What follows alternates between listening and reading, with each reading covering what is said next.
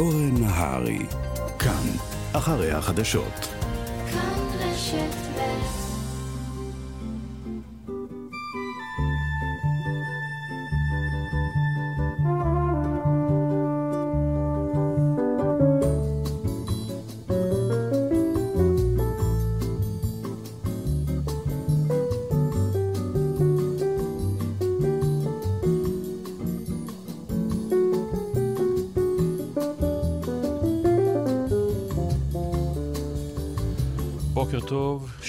לכם, יום שבת, וכרגיל אנחנו כאן איתכם ואיתכן לשעתיים מרתקות ומגוונות.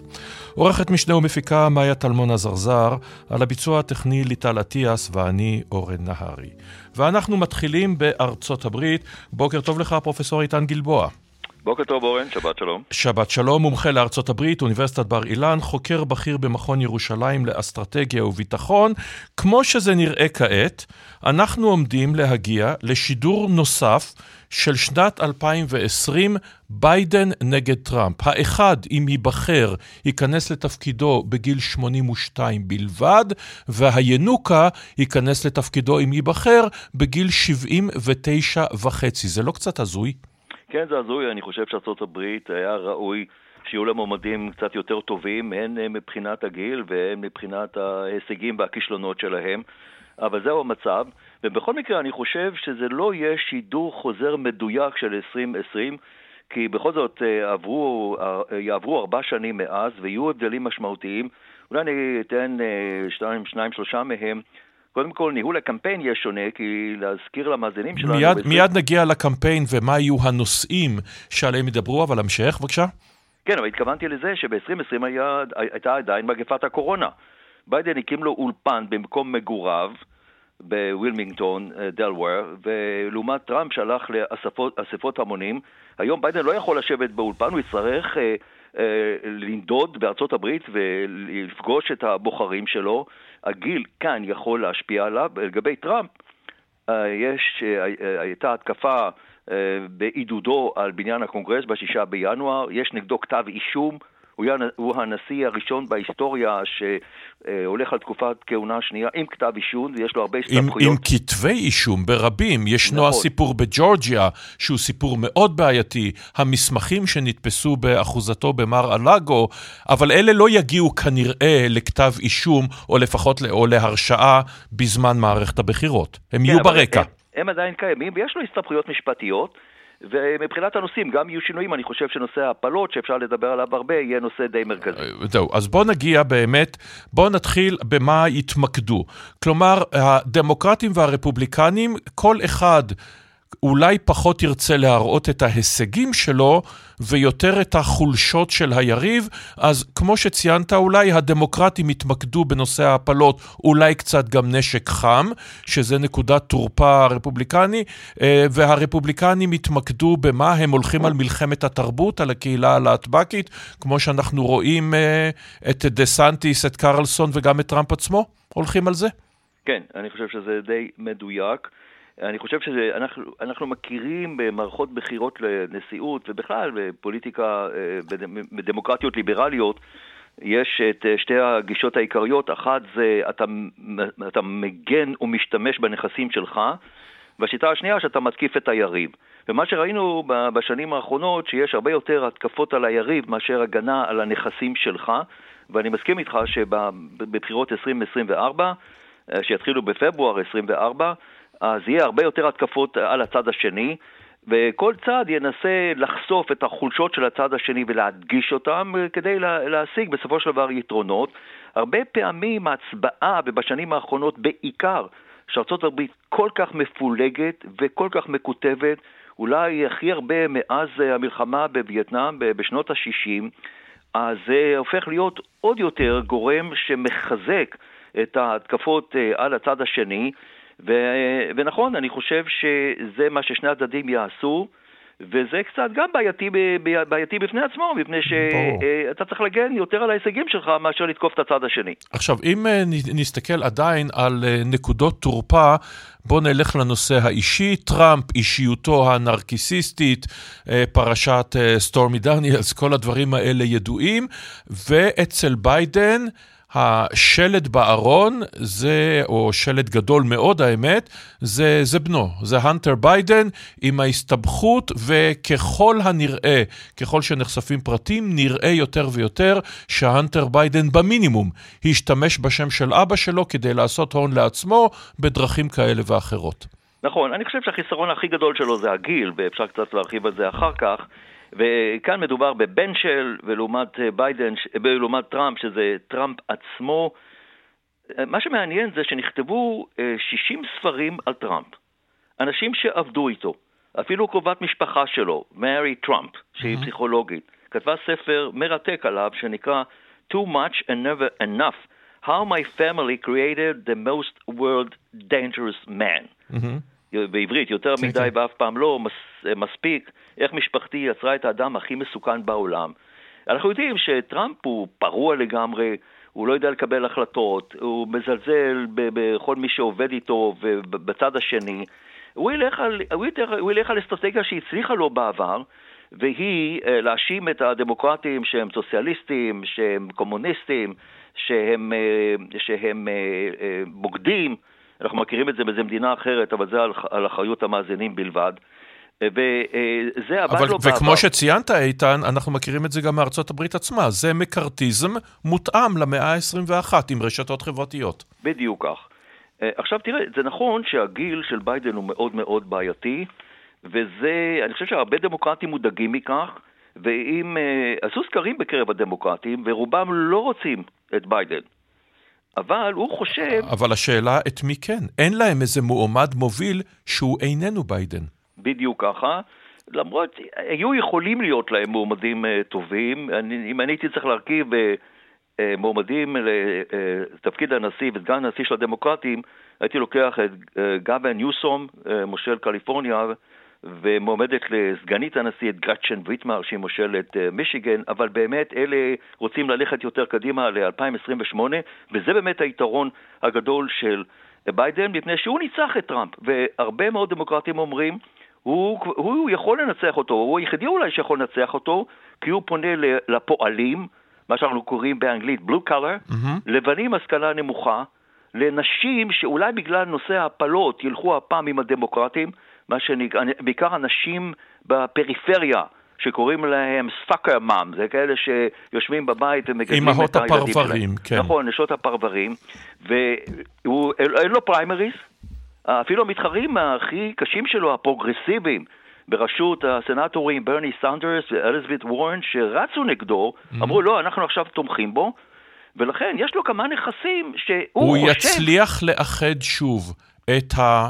כמו שציינת, את הפרוגרסיבים, או אפילו את הסקווד, והיום יש עוד יותר מצד uh, שמאל, אותם שני מחוקקים מטנסי שגורשו uh, מבניין הממשל, שזה דבר שישחק לטובת הדמוקרטים, עד ה...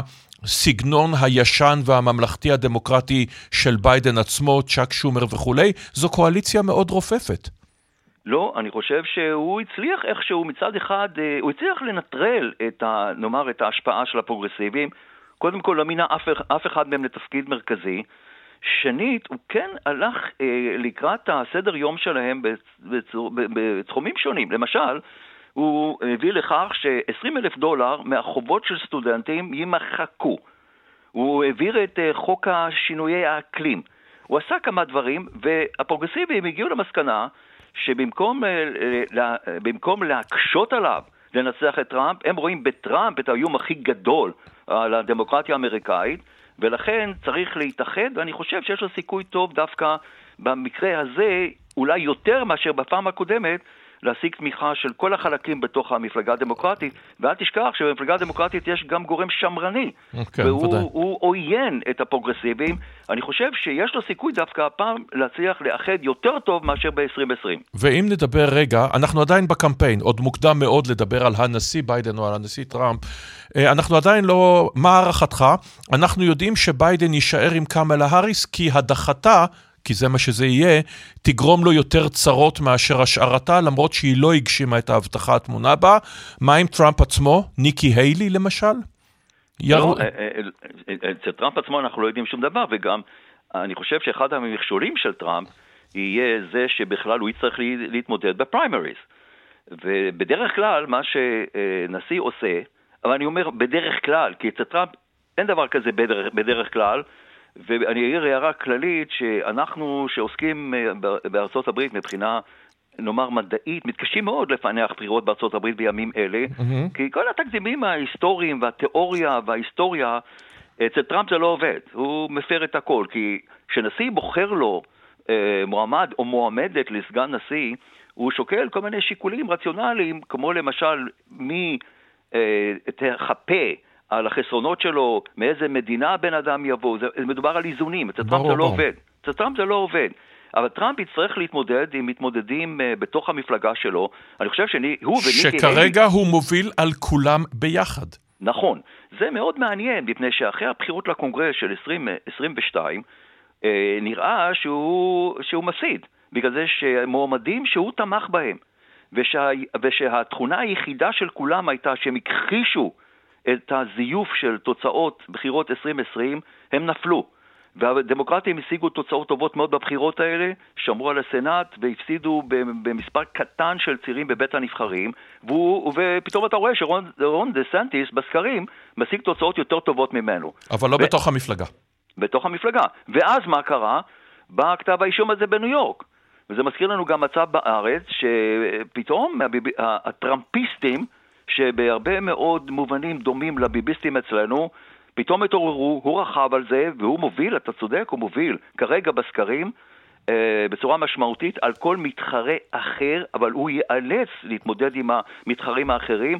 ואם אתה רוצה פרט בכל זאת, תיאורטי מעניין, במקרים שבהם הייתה, אה, אה, אה, מועמדים אחרים אתגרו מי שמחפש תקופה כהונה שנייה, הוא אולי הצליח בפריימריז, אבל נכשל בבחירות הכלליות. אבל כמו שכבר ציינת, טראמפ לעולם, אתה יודע, אי אפשר לדבר על תקדימים כשמדברים על טראמפ, כי כל תקדים לא רלוונטי לו. ושאלה אחרונה, פרופסור גלבוע, מדיניות חוץ בקמפיין. אחד הדברים, ואני רוצה להתייחס דווקא לאוקראינה ולסין, טראמפ אומר, אני יכול לסיים את מלחמת אוקראינה תוך יום אחד בשיחת טלפון לפוטין, שזה בעצם אומר, אני הולך להקריב את אוקראינה לפוטין. בדיוק עם... ככה. אבל אני חושב שאם הוא... נכון, אני חושב שהנושא הזה יעלה בצורה כזו או אחרת, כי המדיניות החוץ של אה, טראמפ הייתה פרועה ובלתי הגיונית מכל זווית שהיא. הוא כל הזמן התגאה ביחסים הטובים שלו עם פוטין, וזה נכון ש, שאם הוא יהיה נשיא, אז כנראה שהוא יוכל להשיג מפוטין אה, משהו, אבל תראה, מה שטראמפ אומר, ביום אחד הוא יכול לעשות הרבה דברים, הוא אמר הרבה דברים כאלה ושום כן. דבר לא קרה, כי אי אפשר לעשות את זה. ואני חושב שאם אה, אם לרוסיה תינתן האפשרות לנצח במלחמה הזאת, זה ישנה את כל המערכת הבינלאומית ויחליש עוד יותר את ארה"ב. אבל אה, אה, אה, אה, צריך כן להגיד שבנושא השני החשוב, שזה סין, מיד שלושה... נגיע לסין, בוא, אה, אני רוצה לסיים עם סין. ישראל, שניהם ידברו על תמיכתם הבלתי מעורערת בישראל, וצריך לומר ששניהם, אה. כל אחד בדרכו טוב לישראל. נכון, אין ספק בזה. ולגבי סין, האם טראמפ יחריף את המאבק מול סין? כן, שלושה נשיאים אמריקנים, שזה מתחיל אובמה, טראמפ וביידן הגדירו את סין כאויב הגדול ביותר של ארצות הברית, זה באמת מאבק על ההגמוניה, איזה מעצמת על תשלוט בזירה הבינלאומית במאה ה-21. Mm-hmm. אז בעניין הזה לא היו הבדלים גדולים. טראמפ הלך על מלחמת סחר, ביידן הלך על בניית אה, אה, אה, בריתות. בריתות, נכון? אוקוס וקוואד. אז יש, יש, יש הגדרה אה, דומה של האתגר ושל האיום. ויש הבדלים גדולים אה, ביחס לסין, וכן, אני חושב, ש, אני חושב שטראמפ הוא הרבה יותר עוין לסין. מאשר, אה, מאשר ביידן, הוא עשה את זה במלחמת הסחר. בתקופת הכהונה הראשונה שלו, וצפ... ויש, ויש להניח שאם הוא יהיה נשיא, הוא ימשיך בקו המאוד נוקשה כלפי סין. תודה רבה לך על הדברים האלה, הפרופסור איתן גלבוע, ועוד נדבר לא מעט על מערכת הבחירות הזאת בתקופה הקרובה. תודה רבה. אז אם כן, אנחנו במאבק בין ארצות הברית וסין, שהוא מאבק כרגע לכל רוחב הספקטרום, למעט, וזה למעט מאוד מאוד מאוד חשוב, מלחמה חמה, אבל אולי אפילו זה יגיע לזה, בגלל שאלת טיוואן הקשורה לנושא שעליו אנחנו רוצים לשוחח איתך, אודי אבנטל, בוקר טוב. בוקר טוב. אלוף משנה במילואים, מומחה למדיניות ואסטרטגיה. בואו נדבר על שבבים. שבבים זה הדבר הזה שאנחנו, אלא אם כן מדובר במהנדסים העוסקים בנושא הזה, שזה לא אני, אני מזדרז להדגיש, אנחנו יודעים עליהם במעורפל, שזה אותו דבר שבעצם מפעיל את כל חיינו, אבל לא תמיד אנחנו תופסים עד כמה הם קריטיים, לא פחות מזה, לכל דבר. שני מנהלי אה, מפעלי, מפעלי הייטק בישראל, כל אחד לחוד, אמרו לי, אתה לא מבין משהו. בלי שבבים, העולם מגיע תוך חודשים ספורים לרעב, לא פחות מזה. כן, אז בוא, בוא נגיד, אה, יש את ה... אה, אולי נתחיל מהאמירה של ספר שנקרא War, Cheap War, מלחמת השבבים של קריס מילר, שהוא כלכלן היסטור, היסטוריון, כלכלה, היסטוריון של כלכלה, והוא מגדיר את השבבים כמשאב הקריטי ביותר בעולם היום. אה, הוא משווה אותו לנפט של פעם, והוא אומר שהוא מסביר בספר שלו שמי שישלוט בשבבים ישלוט בעצם בעולם ובכלכלה העולמית. אולי שווה להגיד מילה, מילה טכנית על שבבים, אה, זה קשור לדיון שלנו אני חושב. שבבים בעצם זה בנוי, זה, זה, זה פרוסת סיליקון. אה, הרבה שכבות של אה, פרוסות סיליקון שעליהן מודפס מעגל חשמלי אה, מיניאטורי. בעצם מעגל חשמלי כזה יכול לעשות פעולת חישוב מתמטית, ועל כל, פרוסה, על כל, שכ, על כל פרוסת סיליקון כזאת מדפיסים היום מיליארדים של טרנזיסטורים. לפני 50 שנה, בשבב הראשון של אינטל, אנחנו מדברים על, אם אינני טועה, 64 טרנזיסטורים, והיום, כמו שציינת, מדובר במיליארדים רבים. נכון, אז יש לך בעצם מיני מחשב או מיני מעבד מחשב שהוא בגודל של ציפורן. והוא באמת, כמו שאמרת, חיוני לכל תחומי החיים שלנו, מסמארטפונים למקררים, לרכ... לטלוויזיות ומחשבים כמובן, ועד, אה, ורכב חשמלי, שהיום ברכב חשמלי אה, יש כאלפיים שבבים בכל כלי רכב, אה, וכמובן ליישומים הרבה יותר מורכבים, כמו מערכות נשק מתקדמות, טילים, חלל, מחשוב על, אה, אה, עננים, אינטליגנציה מלאכותית ותקשורת דור חמש ועוד ועוד ועוד. ובאמת, הסיפור של המזעור היום, mm-hmm. המזעור הוא מה שקובע היום בעולם השבבים. אולי שווה להזכיר את חוק מור פה, שבשנת 75, אחד ממייסדי אינטל, גורדון מור, הוא הלך לעולמו בחודש שעבר, הוא חזה שכל שנתיים יוכפל מספר המעגלים החשמליים. בפועל על... תוכפל היעילות של מחשב בלי תוספת למחיר. אבל בואו נחזור מהשבבים. אה, לנושא הקריטי שעליו אנחנו מדברים, ארצות הברית כן. מול סין. כי יצרנית השבבים החשובה ביותר, המובילה בעולם, TSMC, נמצאת בטיוואן. וסין אומרת שטיוואן תוחזר לשליטת סין בצורה זו או אחרת, שליטה מלאה, היא טכנית אה, חלק מסין, אה, אה, רשמית לפחות, וארצות הברית מעריכה שפלישה סינית לטיוואן צפויה עד 2027, שבמונחים גיאו-אסטרטגיים זה מחר. נכון, אני חושב שגם מה שנתן מכה לתודעה של האמריקאים בעניין הזה זה אוקראינה, כי הם קיבלו תצוגת תכלית, איך מדינה חמושה בנשק גרעיני, אה, מתנפלת על מדינה אחרת קטנה ומנסה לספח אותה, וזה, הם פוחדים משידור חוזר ב... אה, במצרי טאיוואן ומהשתלטות סינית על טיוואן, ובאמת כל המערכת האמריקאית נערכת לעניין הזה. אה, אבל. רגע, רגע, רגע, טיוואן, א', רוסיה לא כל כך מצליחה באוקראינה, וב', טיוואן זה אי. פלישה לשם זה נורמנדי, אתה צריך להכין ארמדה, אתה צריך להכין מנות קרב ומנות דם ותחמושת ודלק ואלפי טנקים ומאות אלפי חיילים, זה אומר שהמודיעין האמריקני והבריטי והאוסטרלי, הרי מדובר בברית, יהיה להם התראה של חודשים, כלומר הם יכולים להיערך ולהדוף את המתקפה הזאת. סין יכולה להחריב את טיוואן, אבל לפלוש אליה ולספח אותה בקלות, זה, זה לא יקרה. תראה, זה לא נושא הדיון שלנו, אני רק, אה, אבל נגיד בקיצור, אה, היום, על פי מיטב המומחים הצבאיים, אה, עם סין, טיוואן וארצות הברית לא מוכנות עדיין להגן על טיוואן מפני פלישה סינית, והסינים גם כן נערכים, על פי המודיעין האמריקאי, הם קיבלו, הצבא הסיני קיבל הנחיה משי, מהנשיא, להיות מוכנים להתנפל. על, לכבוש את טיוואן עד 2027, זה לא אומר שזה יקרה ב-2027. אבל כיום אה, המערב לא מוכן ואין לו יכולת להתמודד עם הצבא הסיני כמו שהוא בנוי ועם העליונות הסינית, mm-hmm. עם העליונות הסינית מול טיוואן. זה לא סיפור כל כך פשוט, לא לסינים ולא לאמריקאים, אני חושב שה... אבל כרגע הכף נוטה לכיוון הסינים, ופה נכנסת מלחמת השבבים. אה, לעניין, אה, כי בסוף האמריקאים, אה, השבבים, כמו שאמרנו, הם חלק אינטגרלי גם מעליונות צבאית ומודיעינית. והאמריקאים זיהו את השבבים כצוואר בקבוק של הסינים. זה עקב אכילס של סין, מכיוון שהיא היבואנות הגדולה ביותר של שבבים היום, ומבינים, האמריקאים הבינו שאם הם יבלמו אותה ולא יאפשרו לה שבבים מתקדמים, תכף נדבר קצת מה זה שבבים מתקדמים, אם, אם הם לא יאפשרו לה גישה ורכש וייצור של שבבים מתקדמים, אה, הם, הם, הם, הם בעצם יבלמו אותה בשלל תחומים, לא רק בתחום הכלכלי, ש-40% היום מכלכלת סין היא מבוססת על דיג... אה, מהתמ"ג הסיני, מה, מהתמ"ג הסיני מבוסס על, אה, על דיגיטציה. Mm-hmm. אז הם לא יבלמו אותה רק ב... אם הם יעצרו לה את אספקת השבבים, הם לא יבלמו אותה רק בנושא הכלכלי, אלא גם, כמו שאמרתי, בתחומים הצבאיים, במגוון של שדות טכנולוגיים.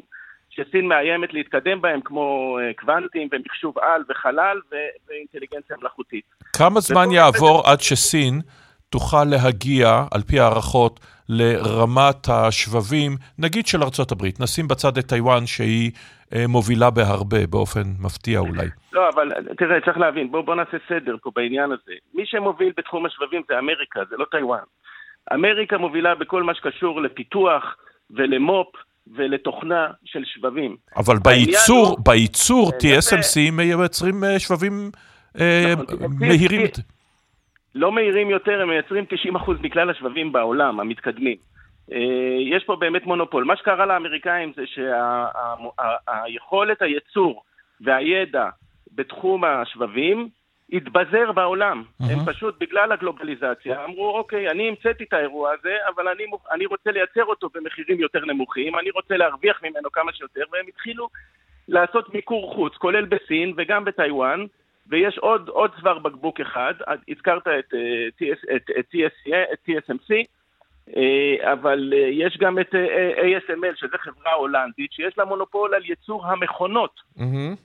המכונות שמייצרות את השבבים, מי שמייצר את המכונות זה חברה דווקא בהולנד, שהיא כמעט מונופול מוחלט, חוץ מעוד איזה שתי חברות ב, אה, ביפן, שזה ניקון וטוקיו אלקטרון, ואלה בסוף 90% מיוצרים ב-SML ההולנדית.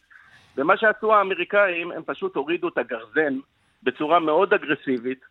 אה, השבבים שהם רוצים למנוע מסין היום, אה, הם שבבים שהם בגודל של 14 ננומטר ומטה. Mm-hmm. הרי המזעור של, של מעגל חשמלי כזה נמדד בננומטר. היום כבר מגיעים, מתקרבים... ננומטר, רק נאמר מיליארדית המטר. מיליארדית המטר, לתת מושג, אה, היום, אה, 100 ננומטר זה, זה קוטר של שערה אנושית, והיום ב, ב, בשני ננומטר אתה יכול להכניס 50 מיליארד, 50 מיליארד מעגלים חשמליים על שבב אחד. זה, זאת הטכנולוגיה שארה"ב רוצה למנוע. כי 28 ננומטר, שזה הטכנולוגיה של העשור הקודם בשבבים, סין כבר השתלטה עליה. היא רכשה את הטכנולוגיה, רכשה את הידע, והיום יש לה מונופול, היא מייצרת רוב השבבים בטווח של 28 ננומטר. אז היום רוצים לבלום אותה מתחת ל-14, ופה האמריקאים הורידו גרזן. הם עשו הסכמים עם יפן והולנד כדי למנוע מה, מהסינים מיכון לייצור השבבים. והם עשו, הם עשו סנקציות נגד כל חברה או אינדיבידואל שמקדם, שמסייע לסין להתקדם בתחום 14 ננומטר ומטה. זה אומר שמהנדסים או כל מי שמחזיק green card אמריקאי לא יכול לעבוד בחברה שיש בה בעלות סינית ולא יכול לסייע לסינים. ו, אה, ובסוף, מה שהם עושים, וכמו שאמרת, הם מאוד חוששים מהמונופול הטיוואני על ייצור אה, שבבים ומהשתלטות סינית, ולכן הם, הם, הם מתחילים לעשות היום את מה שהם קוראים offshoring. Mm-hmm. כל הטכנולוגיה, כל הטכנולוגיה שהם כאילו קצת ויתרו עליה ועשו לה מיקור חוץ, הם מנסים להחזיר אותה או לארצות הברית או למדינות friend-shoring או למדינות ידידותיות דמוקרטיות. ולכן היום הם מתחילים את, אה, את TSCM להעביר אותה, לנסות להעביר חלק מהיכולות שלה לארצות הברית, ובאמת TSCM בונה היום, מתקדם, הוא מתקרב להשלמה, מפעל אדיר של ייצור שבבים חזרה באריזונה. אה, ואלה השלבים של מלחמת, השבב, מלחמת השבבים. מה שמעניין בגרזן הזה שהם הורידו, זה מאוד שונה מהכלכלה שדיברת עם המרואיין הקודם עליה, על מלחמת הסחר שהזכיר פרופסור גלבוע. כי בסוף במלחמת הסחר, אה, עדיין אי אפשר לנתק לחלוטין את הכלכלה האמריקאית מהכלכלה הסינית. אם אתה מסתכל, היום היקף הסחר, בין, למרות כל המלחמה ולמרות כל העוינות, היקף הסחר ב-22 עמד בשיא של כמעט 700 מיליארד דולר בין, בין סין לארצות הברית. אי אפשר לנתק את הכלכלות, אבל בטכנולוגיה מה שאנחנו רואים שקורה זה ששם יש decoupling, כמו שזה נקרא, ניתוק מוחלט. מתחיל פה ניתוק מוחלט בתחום הטכנולוגי בין סין לבין ארצות הברית, ויש לזה משמעויות מרחיקות לכת. בעצם אנחנו רואים פה את ההיפוך, או את הטעות הגדולה, של ביל קלינטון ושל אחרים שחשבו שאם יכניסו את סין אה, לתוך הקפיטליזם, נקרא לזה ככה, הדמוקרטיה תצעד יד ביד עם הקפיטליזם, אה, וסין תהפוך להיות אה, חתלתול מאולף, ובעצם קרה ההפך. נכון, ואם תשאל את הגרמנים, אז הם יגידו לך בדיוק את אותו דבר על רוסיה, mm-hmm. שהם ניסו להכניס אותה, ובסוף זה הסתיים בפלישה לאוקראינה. נכון, ויש פה גם את העניין של הגלובליזציה, שהיום אנחנו בסוף בעידן שהבינו שהטכנולוגיה, שזה חזית התחרות המעצמתית, היא עניין גיאו-אסטרטגי, אה, ועניין שאתה לא מוותר עליו, ולכן היום, וגם הקורונה לימדה אותנו על מחסור כן. ופגיעה בשרשראות האספקה, ולכן היום יש עולם סוג של ד...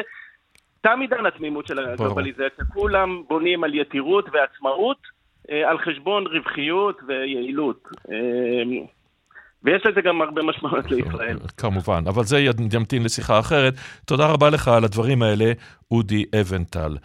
תודה, אורן, שבת שלום. לנושא הבא, שאלתי את הבינה המלאכותית, את צ'אט GPT, מה השיר הכי מתאים לנושא הדיון הבא, והתשובה הייתה Imagine, דמיין, של ג'ון לנון. אז הנה.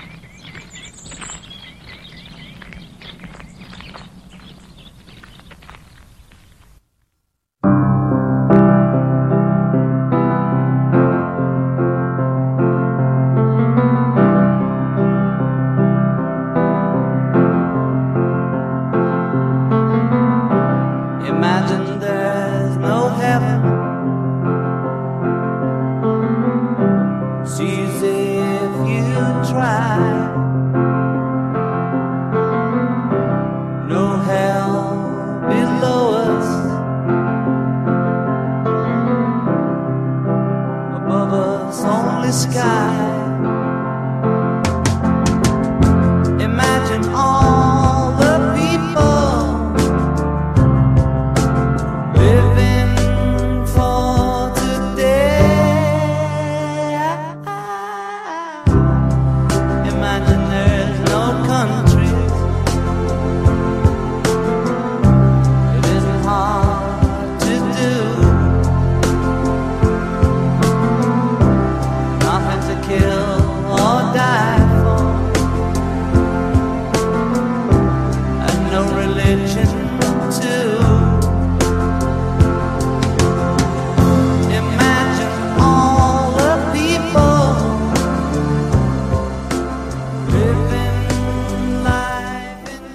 בוקר טוב לך, פרופסור דניס שרביט. בוקר טוב, אורן. ראש התוכנית לתואר שני וללימודי דמוקרטיה בינתחומיים, המחלקה לסוציולוגיה, מדע המדינה ותקשורת באוניברסיטה הפתוחה. אנחנו עושים פה איזה מסע מזדמן מדי פעם בין אידיאולוגיות. התחלנו בשמרנות, והבוקר אני רוצה לשוחח איתך על ליברליזם. אה, אז בוא נתחיל בהגדרה. יש הגדרה לליברליזם? יש הגדרה והגדרה רחבה ועם הרבה אה, שינויים. אני יכול אה, לספק אה, אחת, ככה בקיצור נמרץ.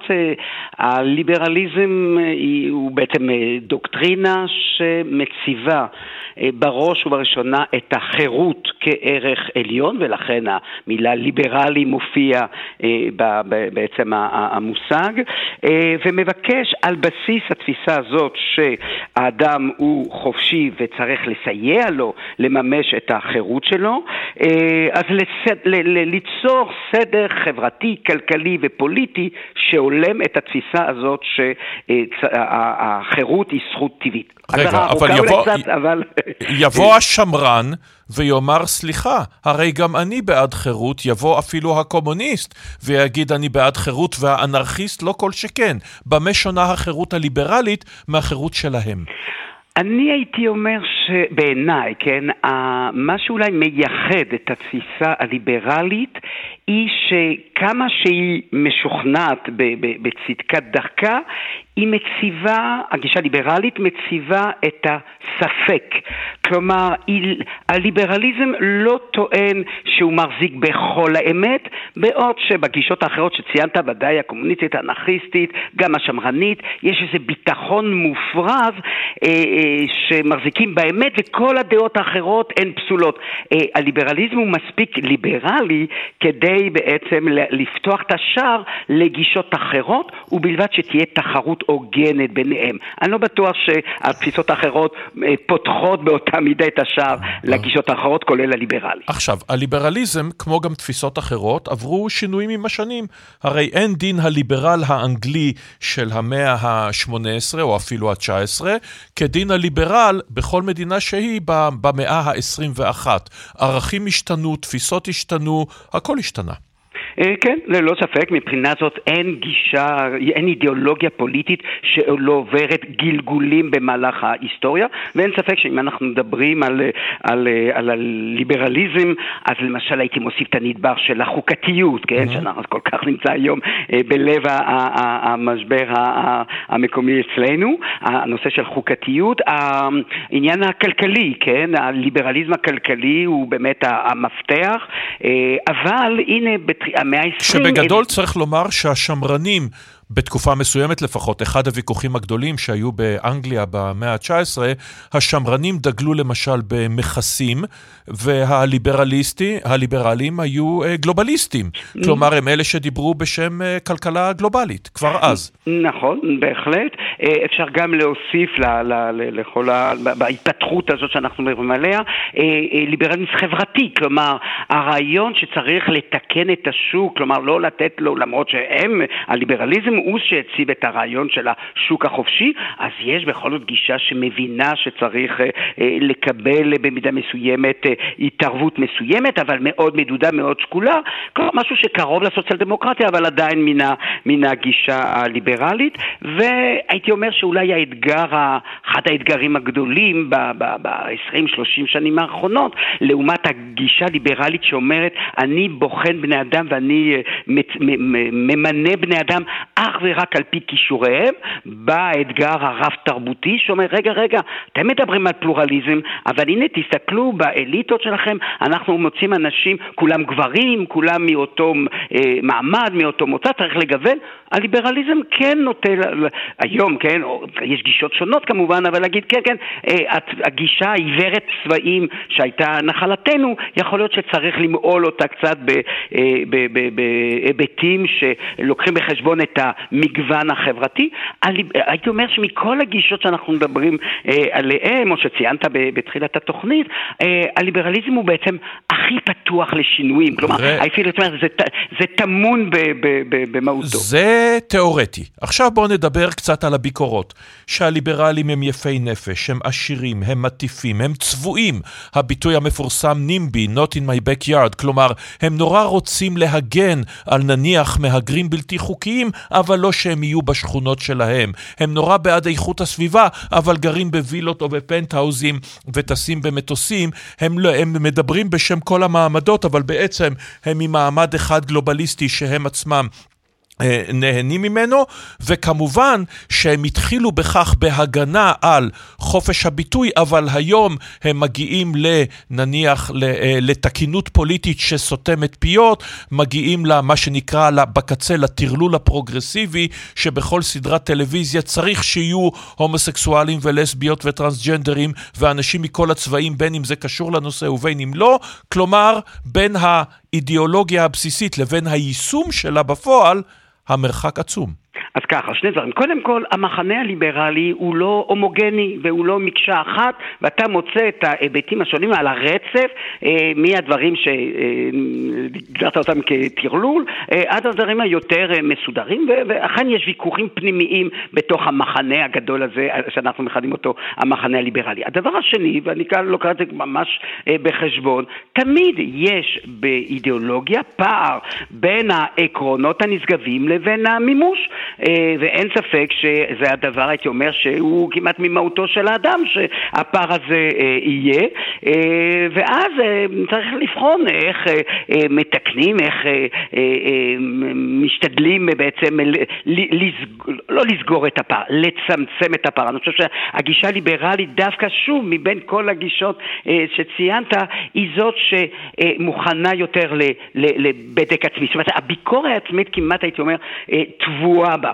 עכשיו, ברור שיש קיצוניים ויש פנאטים, והנה, אה, לא ציינת את הליברטריאנים, למשל, שלוקחים את הערך האינדיבידואלי לקצה כזה שהמדינה לא יכולה לעשות שום דבר ולא להכתיב, ולכן בשם הליברליזם אה, מותר לך לצרוך אה, קוקאין. הליברטריאנים היום הם בברית פחות או יותר עם השמרנים, שזה נכון. סיפור כן, כן. אחר. כן. אני רוצה לשאול אותך על ההבדלים, בכל זאת, אין דין הליברל האמריקני כדין הליברל האירופי. מדובר פה בשני אה, דברים שנקראים באותו שם, אבל בעצם הם שונים מאוד במהות. אה, כן, ואני חושב שכאן אה, משקל ההיסטוריה מכריע, כלומר, אני לא חושב שזה עניין של מהות, זה לא גיאוגרפיה, זה לא תרבות, אני חושב שזה בראש ובראשונה... אבל זה כן קצת אידיאולוגיה. זה לא, לא, בהחלט, אבל אני אומר, המניע לשינוי בעיניי הוא בעצם החוויה של מלחמת העולם השנייה והשמדת יהדות אירופה.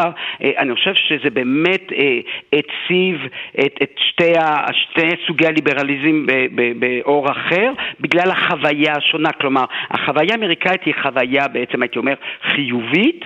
אה, ראה למשל דוגמה אחת, אני רק אקח דוגמה אחת. היחס לדתות, כן? בעוד שבאירופה לרוב הדת נתפסה כמעמד בעל עוצמה שמאיים על הדמוקרטיה אה, וכל ההסדרים נעשים כדי להרחיק את הכנסיות אה, מכל השפעה פוליטית.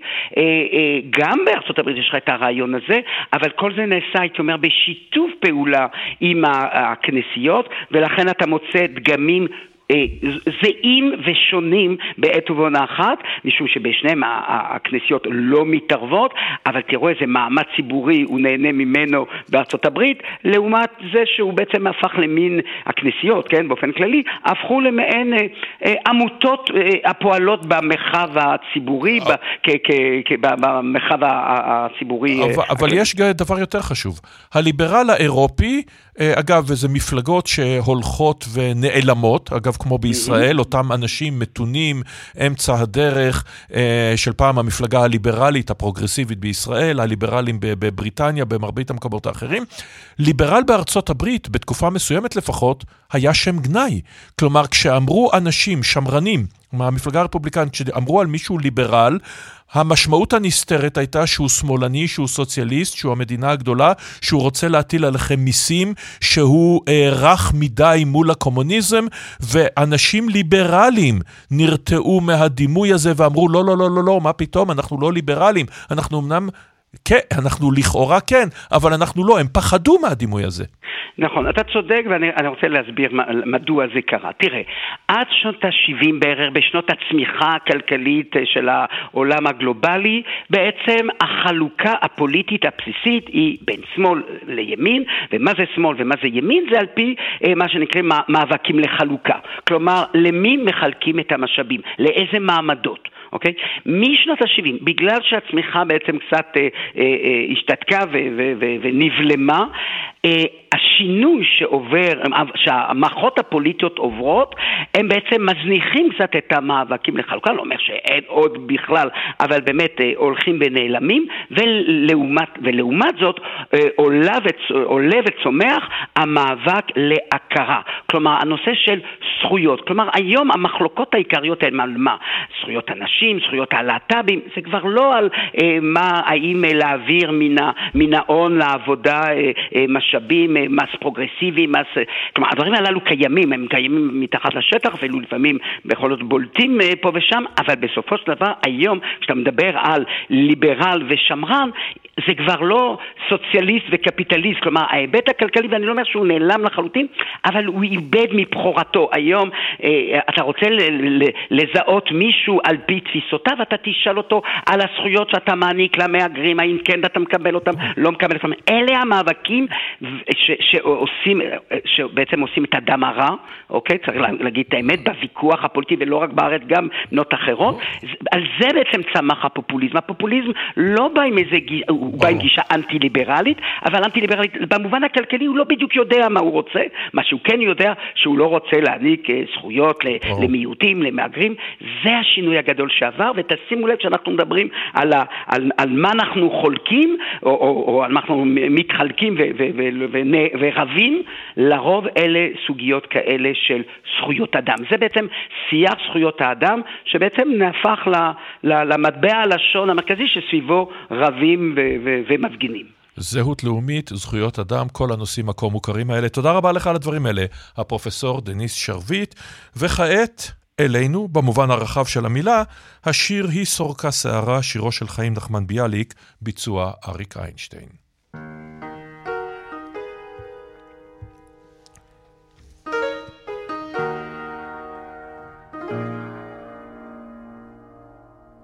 היא יושבה לחלום וסורקה שערה. בעיניכם היא פרוצה ובעיניי היא ברא אומר לי מר ליבי היום עלי רע. אם רחלה איננה אני הנבא. יש לה בריות והולכות הן רכים אך רחלה לי היא ואנוכי לרחל אומר לי מה ליבי היום רע אם רחלה איננה אני הנבא בערב כי אצל משעול הקמה ורחלה אין עימי הנשמה. שיבולי, גבעולי ורחל עשו שלומי ואנו בי תאחר ומדתי במקומי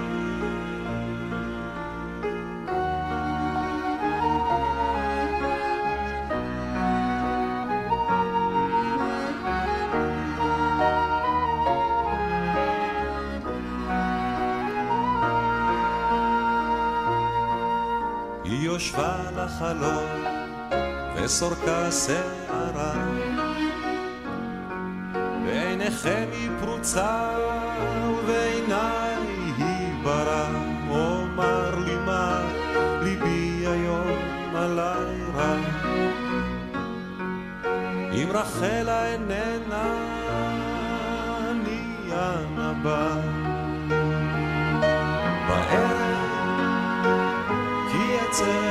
משעול הקמה ורחלה אין עימי, אין עימי הנשמה. שיבולי, גבעולי ורחל עשו שלומי ואנו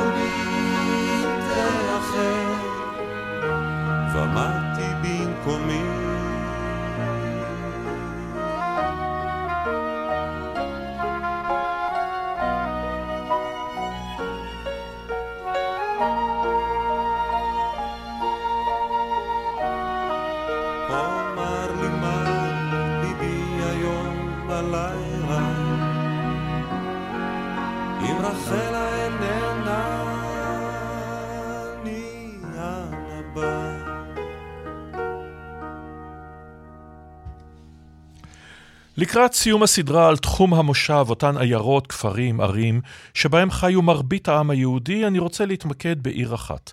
ערים רבות נחשבו יהודיות, ורשה ולודג', וילנה, ביאליסטוק, אבל אחת יותר מכולן, בין השאר כי הונצחה בידי סופרים ומשוררים יהודיים. העיר של ביאליק, צ'רניחובסקי, באבל, ז'בוטינסקי, אודסה. בוקר טוב לך, פרופסור דוד אסף. בוקר טוב ושבת שלום. פרופסור להיסטוריה של עם ישראל באוניברסיטת תל אביב ובעל הבלוג עונג שבת המומלץ מאוד מאוד. מה החשיבות של אודסה ספציפית? אה, קודם כל כשאנחנו מדברים על אודסה אנחנו לא מדברים על עיר עתיקה כמו ירושלים או קייב או, או סן פטרבורג, אנחנו מדברים על עיר שיש לה תאריך לידה אה, מאוד מאוד מדויק. אודסה נוסדה ב-1794 כלומר, אנחנו בסך הכל מדברים כאן על עיר בת אה, לא פחות מ-250 שנה. החשיבות העצומה שלה, גם מבחינה רוסית וגם מבחינה אה, יהודית, היא שזאת עיר שעל שפת הים, על חוף הים השחור, אה, חוף ש... אה, ים, ים שכמעט ולא כופה אה, בחורף, מבחינה זו דבר שלא קיים בכל רחבי האימפריה הרוסית, ולכן אודסה הייתה עיר מאוד מאוד חשובה עד עצם היום הזה אגב, אתה, זה לא מקרה שהרוסים אה, עד היום רוצים, אה, חושקים בעיר הזו, משום שהנמל שם אולי כמה שבועות בשנה אה, כופה. רגע, אבל הזה... צריך לומר שאוד... שקרים, אודסה וחצי האי קרים כולו, אחרי שהם נכבשו מהאימפריה העות'מאנית, הם היו באמת בשליטת רוסיה, עד שחושצ'וב מעביר אותה, את אה, חצי האי קרים, לידי אוקראינה ב-1954. נכון, אבל צריך לזכור שכל החבלים האלה, כמו שאמרת, היו קודם של uh, טורקיה, הגיעו לאימפריה הרוסית אה, בזכות המלחמה, ולכן, וכאן, אתה, וכאן זה קשור ליהודים, הם היו, אה, לא היו חלק מתחום המושב. ומבחינה זו הם היו אזורים, של, שלוש גוברניות, אה, טוורידה, שהקרים חלק ממנה, יקטרינוסלאב, ופלך חרסון שאודסה היא בירתו, הם היו אזור שהצארים עודדו הגירה אליו, ורצו התיישבות שמה. אה, היהודים ניצלו את זה, משום שזה היה מחוץ לתחום המושב, אה, ויכלו להגר לשם אה, בכמויות. ואכן כך היה, ולאורך המאה ה-19 אודסה הפכה מהר מאוד, בקצב מטורף, לעיר ענקית, עיר גדולה, גם במובן הרוס, הכלל רוסי, עיר שלישית בגודלה באימפריה, אחרי מוסקבה ופטרבורג, ועיר מבחינה יהודית, העיר השנייה בגודלה בכל האימפריה הרוסית אחרי ורשה. בסוף המאה ה-19 היו בעיר הזו כ-150 אלף יהודים, זה, זה, זה מספר עצום. אני, אם אני זוכר נכון, עשו איזשהו משאל, אה, אה, מפקד אוכלוסין, 40 אחוז אה, דיברו יידיש אה, במפנה המאה ה-20, ומשהו כמו חצי אחוז בלבד דיברו אוקראינית. זאת אומרת, הייתה עיר יהודית, אבל בואו נדבר רגע על התרבות. איך מתקבצים אל העיר הזו דווקא כל כך הרבה אה, אנשים שהם ליבת התרבות היהודית עד עצם היום הזה?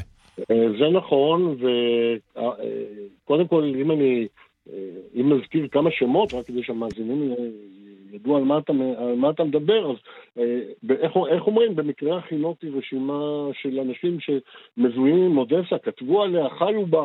אנשים כמו ליאון פינסקר, פרץ מולנסקי, לילינבלום, ז'בוטינסקי, זובניצקי, מנדלה מוכר ספרים, אחד העם, קלו, יוסף קלויזנר, מאיר דיזינגוף, ברדיצ'בסקי, צ'רניחובסקי, דובנוב, שלום הלחם, ביאליק, לוינסקי, אה, שמחה גוטמן של בן ציון, זלמן שניאור, אלתר דרויאנו, פיכמן, אוסישקין, פרוג, ברקוביץ', אם זה מזכיר לך את תל אביב, אה, לפחות את רחובות תל אביב או את בית הקברות בתל אביב הישן, אז זה לא במקרה. אכן, התקבצה שם העילית שבעילית, או העידית שבעידית, אבל דבר אחד מעניין צריך לומר, לרוב האנשים אודסה הייתה תחנת מעבר, לא מקום שנולדו בו או שמתו בו או שהשתקעו בו. רובם ככולם עזבו את אודסה. בין לארץ ישראל, בין לעולם החדש, אה, לא נשארו בה. דמויות מסוימות, כמו שהזכרת, אכן אה, הפכו את אודסה לביתם למשך שנים ארוכות, הבולטים שבהם ומנדלה מוכר ספרים בתחום הספרות, וכמובן ביאליק אה, בתחום השירה, אבל גם הם עזבו, מנדלה אולי היחיד. אחד הבודדים שגם נקבר באודסה, אבל ביאליק למשל עזב אותה ב-1921, אחר כך עבר לגרמניה שנה, ואז עלה לארץ. מה היה בה? באודסה. מדוע זה הפך להיות איזה מין ריכוז כזאת, מובלעת כזו של תרבות? ובכן, צריך לומר קודם כל מה לא היה באודסה. מה שלא היה באודסה, לא היה בה את סבל הירושה, את עול הירושה שהיה בכל המקומות האחרים בתחום המושב. זה לא עיר שהיו בה רבנים והיו בה ישיבות, אה, מזוהה כמרכז תורה.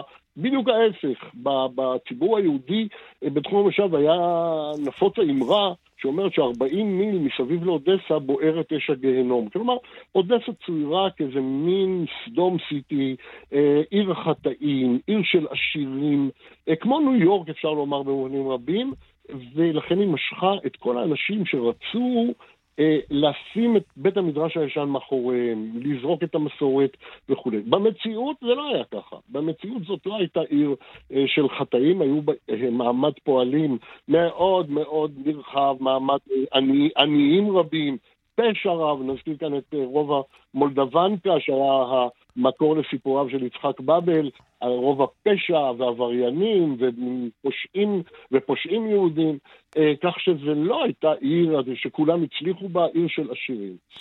אה, גם הסופרים, צריך לומר, חיו במעין אה, אוטונומיה או שמורת טבע או רפובליקה אה, משלהם.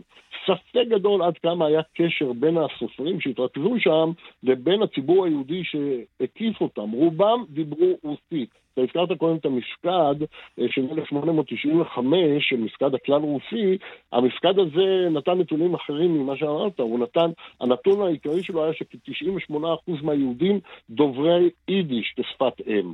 אבל רוב היהודים באודסה דיברו אה, בינם לבין עצמם ברוסית, הסופרים, גם הסופרים לא היו כולם סופרים עבריים, רובם היו סופרים דו-לשוניים, עברית ויידיש, חלקם תלת-לשוניים. בואו נזכיר את ז'בוטינסקי, mm-hmm. שכתב את אחד הספרים הכי יפים על אודסה, שנקרא חמישתם, שמתאר משפחה יהודית באודסה מתבוללת, והוא כתב את זה ברוסית כמובן, הוא גדל ב, אה, בתרבות הרוסית, הוא היה כתב בעיתון אה, רוסי, כך שרוב הסופרים העבריים שגרו שם כמו ביאליק, אחד העם וכן הלאה, בעצם, אתה יודע, יש שיר שביאליק כתב על uh, אחד העם, לכבוד אחד העם, והוא מתאר אותו כמעין מגדלור, מגדלור שמפיץ אור למרחקים, אבל לא בסביבתו הקרובה, ואכן רוב קוראי הסחורה שסופרי אודסה ייצרו, בכלל לא גרו באודסה, הם גרו בתחום המושב הישן, באותן עיירות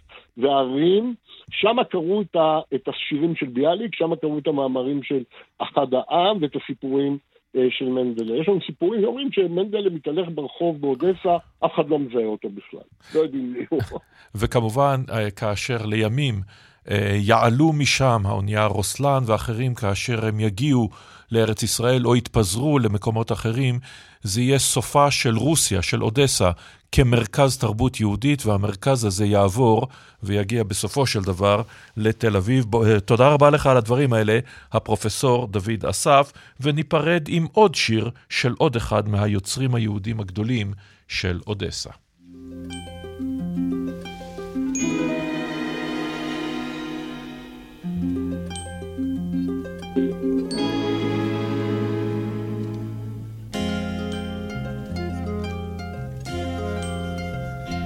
אומרים ישנה ארץ, ארץ שורת שמש, איה אותה ארץ, איפה אותה שמש?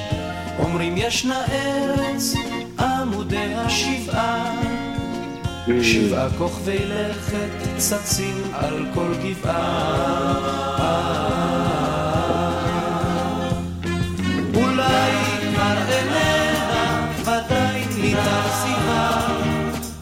דבר בשבילנו אדוני לא ציווה אולי כבר איננה ודאי נרחיבה דבר בשבילנו אדוני לא ציווה נכנס כל הנכנס פגע באח, כי גם לא. פורס אליו שלום, ואור לאיש וחם לו. הים אותה ארץ, כוכבי אותה גבעה. מי ינחנו דרך, יגיד לי הנתיבה. אולי האיננה, ודאי ניתן סיבה. דבר בשבילנו אדוני לא ציווה.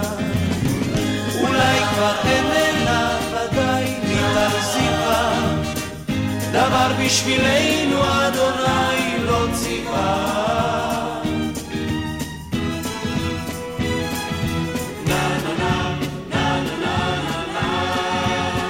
כבר עברנו כמה מדברות וימים, כבר הלכנו חמה, כוחותינו תמים. כיצד זה טעינו, טרם הונח לנו, אותה ארץ שמש, אותה לא מצאנו. אולי כבר איננה, ודאי מתרזיבה, דבר בשבילנו, אדוני. אומרים ישנה ארץ, מילים שאול צ'רניחובסקי, לחן וביצוע שלמה ארצי. ועד כאן השעה הראשונה שלנו. תודה רבה לכם על ההקשבה ועל ההאזנה. עורכת משנה ומפיקה מאיה טלמון עזרזר, ליטל אטיאס על הביצוע הטכני, אני אורן נהרי, ואנחנו ניפגש אחרי חדשות השעה תשע. היו עמנו.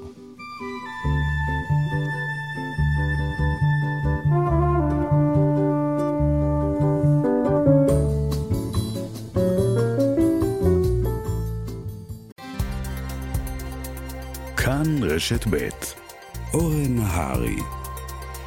כאן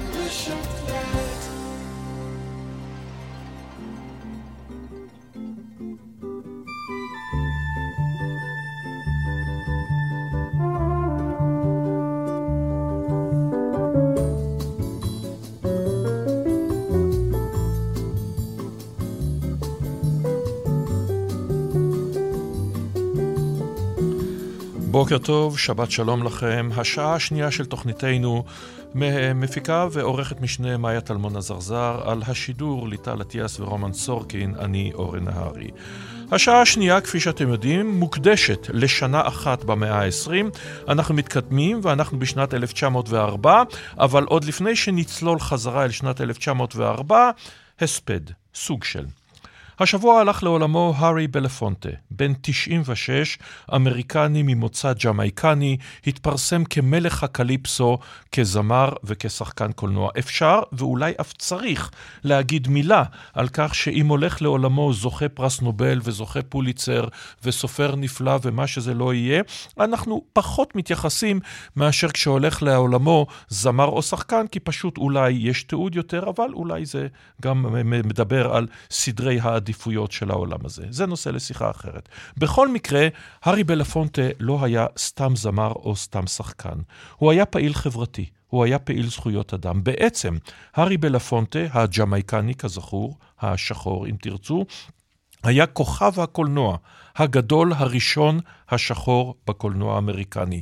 לא סתם משרת, לא רקדן שרוקד עם שירלי טמפל, לא מישהי שתפקידה להיות הידידה או המשרתת של סקרלט אוהרה ולקשור את שמלתה עם המכוך. הוא כיכב בסרטים כמו אי בשמש ואחרים, אבל הוא היה גם פעיל שוויון זכויות. הוא נאבק על שוויון הזכויות, הוא צעד עם מרטין לותר קינג, ועל כן היה ברשימה השחורה של מקארתי, והקריירה שלו הסתיימה כתוצאה מכך. הוא הוחרם. הוא נשאר אדם ידוע, בהחלט. הוא נשאר זמר, אבל בפועל הקריירה שלו במידה רבה מאוד בארצו שלו הסתיימה. הוא היה שגריר ופעיל זכויות אדם של יוניצף. לימים הוא היה המפיק של השיר הידוע We are the world, אנחנו העולם, בקונצרט המפורסם בשנת 1985. וללקונה הזו, למקום ש... שהוא פילס את הדרך לכוכבים שחורים העומדים בזכות עצמם, לא סיידקיק, לא החבר של הכוכב הלבן, לכך נכנס סידני פואטיה ולימים אחרים, אז הארי בלפונטה, אדם חשוב, אדם פורץ דרך, והנה השיר הידוע ביותר שלו, Day-O, ספינת הבננות.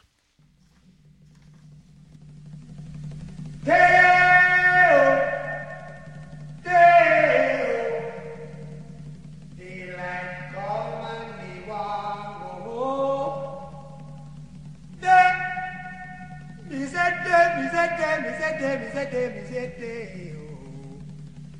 Daylight come and me want go home. Work all night and a drink a rum. Daylight come and me want go home. Stack banana till the morning come.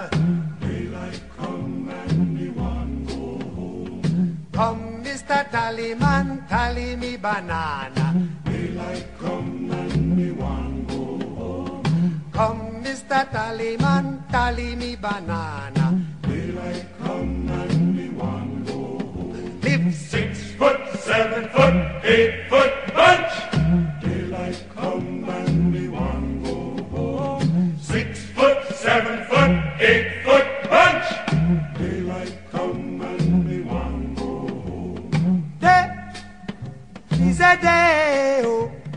Daylight come and go home. Day is a day. Is day. Is day. A day. A beautiful bunch, a ripe banana. Daylight come and we want go home. Hide the deadly black tarantula. Daylight come and six foot, seven foot, eight foot bunch. Daylight come and we want go home. Six foot, seven foot, eight foot bunch. Daylight come and we want go home. Day is a day. Oh. Daylight come and we want go home. Day is a day. Is a day. Is a day. Is a day. and go home. Come, Mr. Tallyman, tally me banana. Daylight come and we want go home. Come, Mr. Tallyman, tally me banana. Daylight come and we want go home. Day-o, day-o.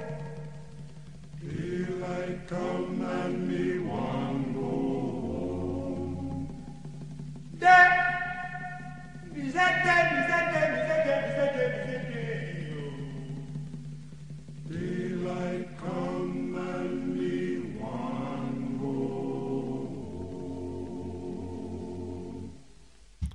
וכעת אנו ממשיכים את מסענו במאה ה-20, 1904. העולם עדיין אינו יודע זאת כמובן, ובכל מקרה עד שאירוע אינו מתרחש הוא אינו חייב לקרות, אבל המדרון לכיוון מלחמת העולם הראשונה הופך תלול יותר ויותר. בריטניה, החוששת מההתעצמות הגרמנית, נוטשת את מדיניותה המסורתית, בדידות מזהרת, וחותמת ב-1904 על ברית ההסכמה הלבבית עם צרפת. לא מובן מאליו. בית המלוכה הבריטי הוא הרי גרמני, צרפת היא האויבת המיתולוגית מאז מלחמת מאה השנים ועד מלחמות נפוליאון, וגרמניה, פרוסיה, בנות ברית ותיקות. ובכל זאת, ובצד השני של העולם, מלחמה. שלום לפרופסור ניסימות מזגין. שלום ובוקר טוב. דיקן הפקולטה למדעי הרוח באוניברסיטה העברית ומומחה ליפן.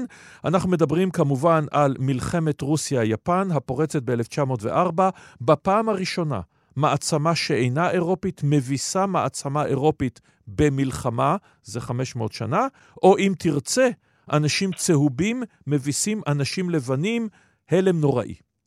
נכון.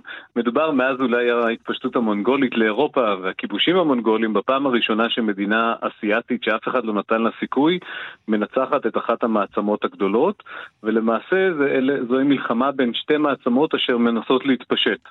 אה, רוסיה מנסה להתפשט אה, דרומה לכיוון אסיה ואילו יפן מנסה להתפשט מערבה אל עבר שכנותיה. עכשיו, לא רק זאת, אלא יפן זה עתה, במונחים היסטוריים, יצאה מעידן השוגונים. רק 51 שנה קודם לכן, השייטת השחורה של פרי מגיעה ופותחת בכוח את יפן למסחר חיצוני, ואז תוך 50 שנה אותם אנשים פושטים את הקימונו, מקפלים אותו יפה, שמים את החרבות בצד, והופכים להיות מעצמה בפסק, בפרץ זמן בלתי, בלתי נתפס בכלל. נכון, בחמישים שנה שלפני אותה מלחמה מדובר על אחת הטרנספורמציות הגדולות ביותר בהיסטוריה האנושית. לדעתי אף חברה לא עשתה את הקפיצה כפי שעשתה יפן במחצית השנייה של המאה ה-19, ממדינה אגררית, נחשלת, מפגרת מבחינה טכנולוגית בראשית המאה ה-19, אל עבר אחת. מדינה מודרנית, בעלת צבא חזק, בעלת חוקה, בעלת uh, ממשל מתקדם, בעלת uh, טכנולוגיה מתקדמת, אשר מביסה בראש ובראשונה את סין הגדולה במלחמה ב-1894-1895, ומספחת את פורמוזה לימים נכון. טיוואן. נכון, מספחת את אה, פורמוזה וגם מאכילה את אה, תאוות ההתפשטות שלה אל עבר היבשת האסייתית ועד לניצחון הגדול על רוסיה. היא כבר חושבת על לחצוב אימפריה משלה בסין, מה שהיא תנסה לעשות בשנות ה-30 וה-40? בהחלט, המאבק כבר היה, המלחמה נגד רוסיה הייתה על שטחה של קוריאה. למעשה הטריגר היה מי ישלוט בקוריאה.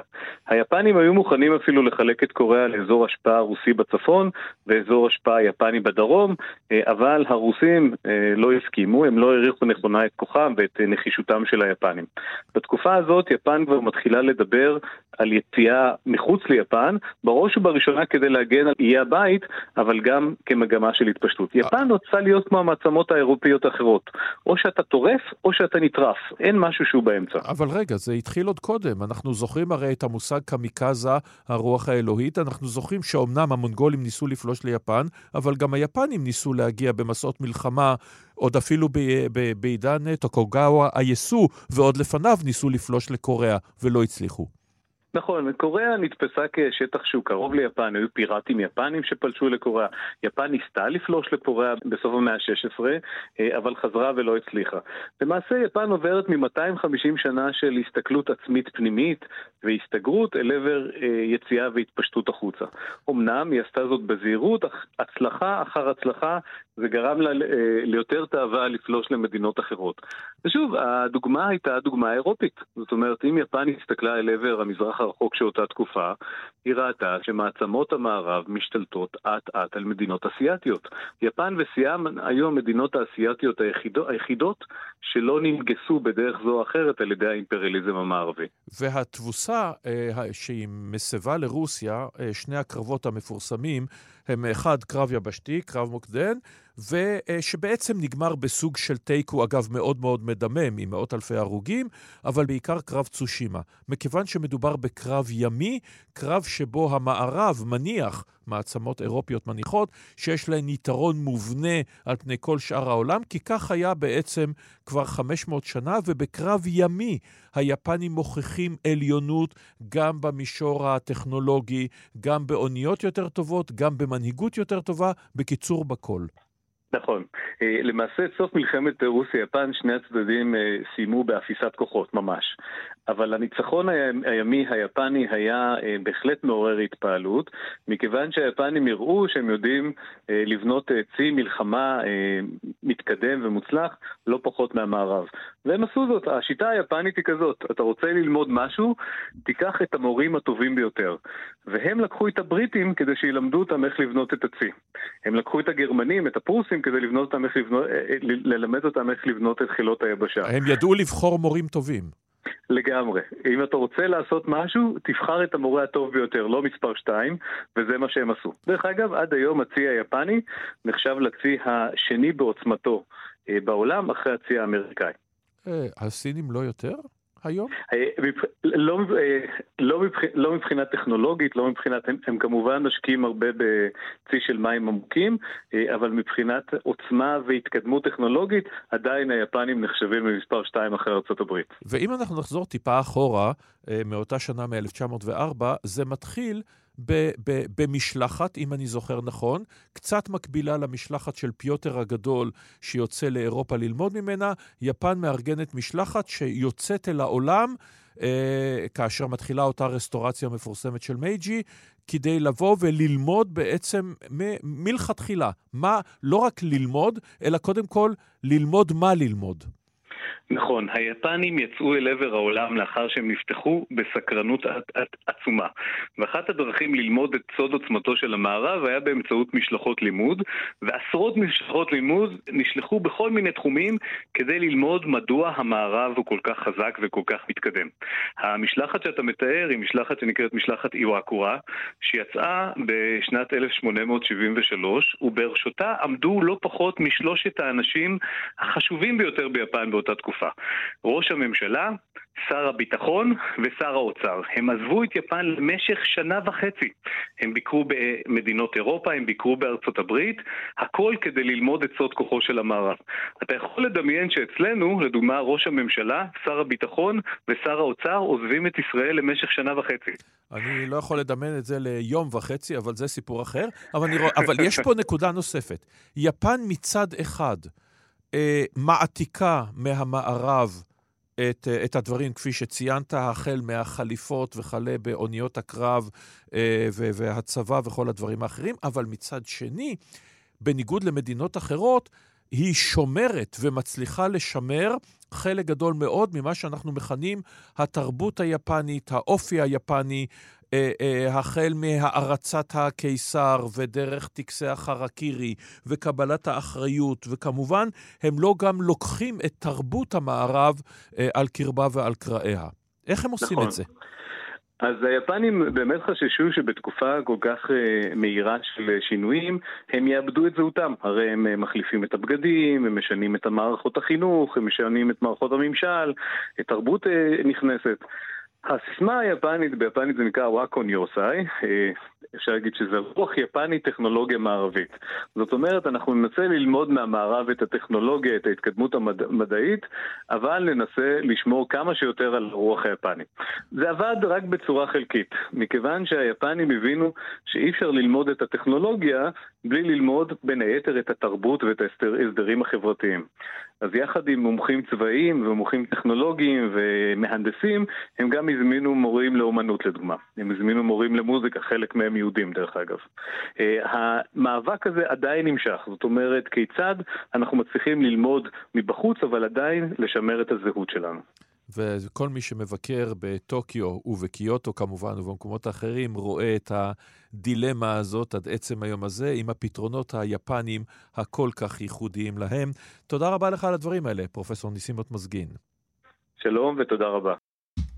ועוד כמה דברים שהתרחשו בשנת 1904. הלן קלר, אמריקנית חירשת ועיוורת, מסיימת בהצטיינות את מכללת רדקליף ומהווה מופת להתגברות על נכויות נוראות ושמירה על אופטימיות עד עצם היום הזה, שמה הפך למושג ובצדק מוחלט. לואי קרטיה, צורף, מייצר לאוויראי הברזילאי, עוד אין מילה כזאת טייס, אלברטו סנטוס דומון, שעון יד, מכיוון שהיה עד אז רק הכרונומטר, אותו שעון כיס, ואלברטו סנטוס דומון אמר, הטייסים צריכים שעון יותר קל. ומשעון היד הזה, זו שעון היד הראשון, המיוצר עד היום, ונקרא סנטוס. וג'ון פלמינג האנגלי מייצר את שפופרת הריק, הממירה זרם ישיר לזרם חילופין ולהפך. וגם יצא, יצא לאור ספר, אחד מספרי העיון המשפיעים על קפיטליזם ופרוטסטנטיות, השיר כסף של פינק פלויד.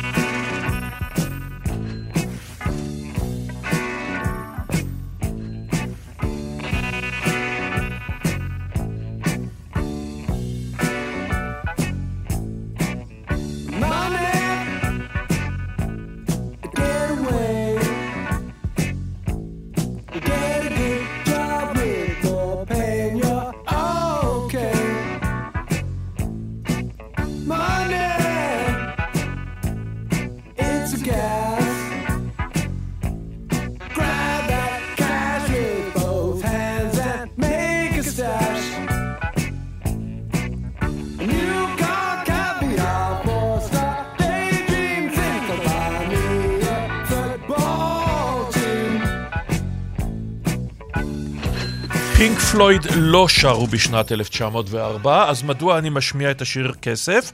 כי באותה שנה יוצא לאור הספר של הסוציולוג מקס ובר, האתוס הפרוטסטנטי ורוח הקפיטליזם. בואו נזכור, אנחנו מדברים על נצרות, כן? עכשיו, ישו אמר, נקל לגמל לעבור בקוף של מחט, מאשר לעשיר לבוא בשערי גן העדן.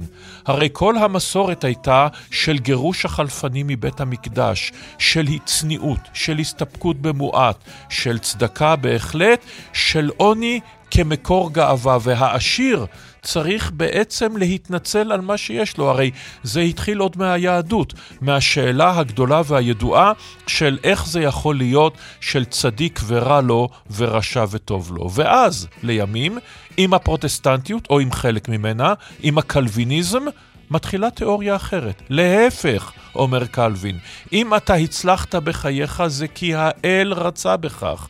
כלומר, אם אתה הפכת לאדם מאוד מאוד עשיר, זה כי עשית את הטוב בעיני האל. כלומר, לא להתנצל על הכסף, אלא להפך, להתגאות בו, להשוויץ בו. כן, בהחלט לתת לי צדקה. ואותם ברונים שודדים אמריקניים, שיהיו הסמל של אותו אתוס פרוטסטנטי ורוח הקפיטליזם, שם הספר, הם אכן יתרמו את הונם לצדקה.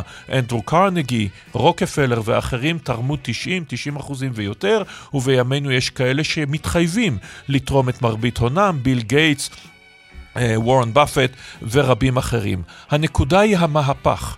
מידת המתגאה בעוני או מתגאה אומרת שהעניים, הענבים ירשו ארץ, אתם מכירים את הביטוי הזה? העניים הם מלח הארץ, גם את הביטוי הזה אתם מכירים? לכך שהעשירים הם מלח הארץ. הם אלה הזכאים, הראויים לארמונות שלהם, ומי שמתקומם נגדם לא רק מנסה לשפר את מעמדו, הוא מתקומם נגד הסדר החברתי, הוא מתקומם נגד הדת, הוא מתקומם נגד האל, לא פחות מכך, זה יהיה מהפכה. מהפכה מחשבתית, מהפכה אידיאולוגית שמשפיעה עד עצם היום הזה והופכת את הקפיטליזם למשהו להתגאות בו, הספר הכל כך חשוב של מקס ובר. ומכאן מעבר, מעבר חד מאוד לאפריקה. Dead apples and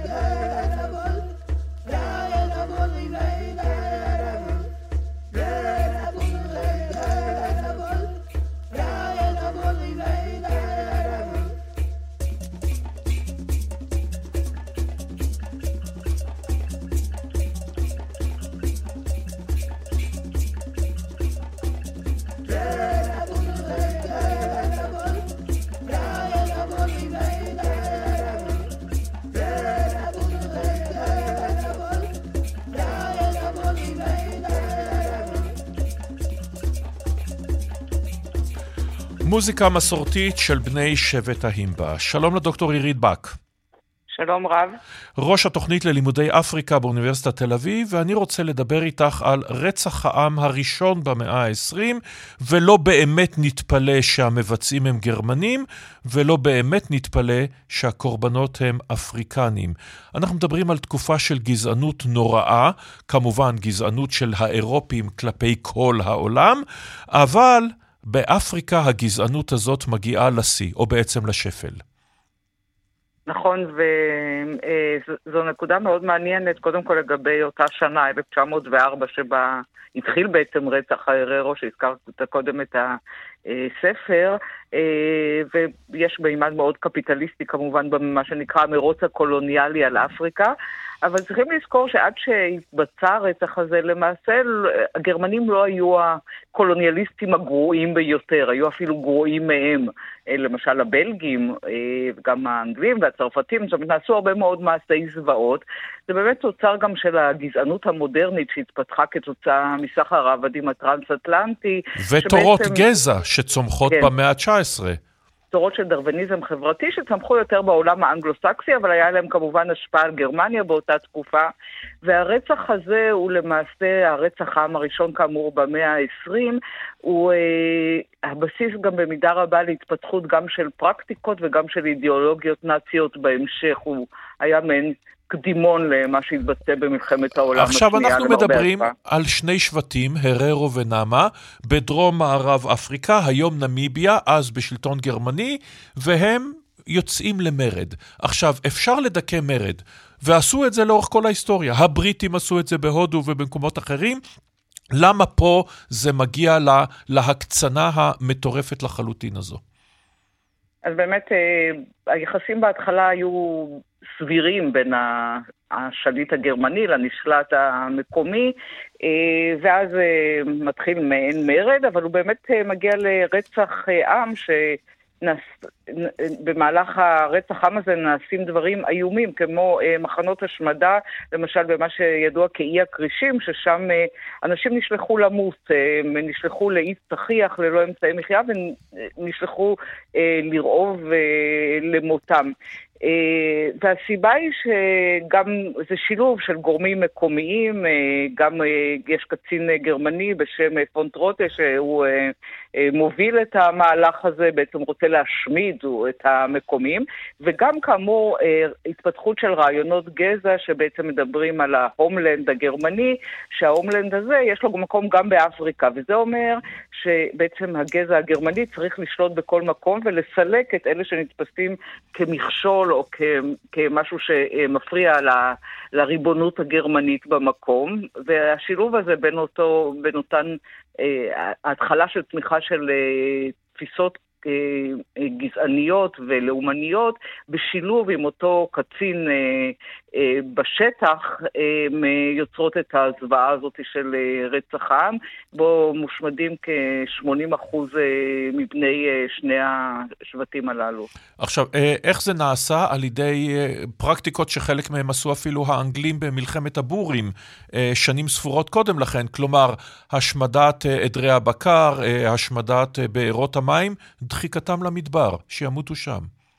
נכון, אה, השיטות האלה, אה, זה מעניין, זאת אומרת, אה, זה התחיל בעצם כבר במלחמת הבורים, שזה סוף המאה ה-19, תחילת המאה ה-20, אבל אחר כך אנחנו רואים את השיטות האלה למשל גם בג'נוסייד הארמני, העניין של לשלוח אנשים במין שיירות מוות כאלה אל מותם למקומות שבהם אין אפשרות אה, להמשיך לחיות, אז הפרקטיקות האלה, הם, אה, היה להם תקדים וגם המשך במאה ה-20 כמובן. אה, מה שמחריד במיוחד היה שסביב העניין גם של אה, התפיסה של עליונות גזעית, אה, התפתחה תפיסה ש, של אה, מדעים ביולוגיים שרצו לנתח את, אה, את ה...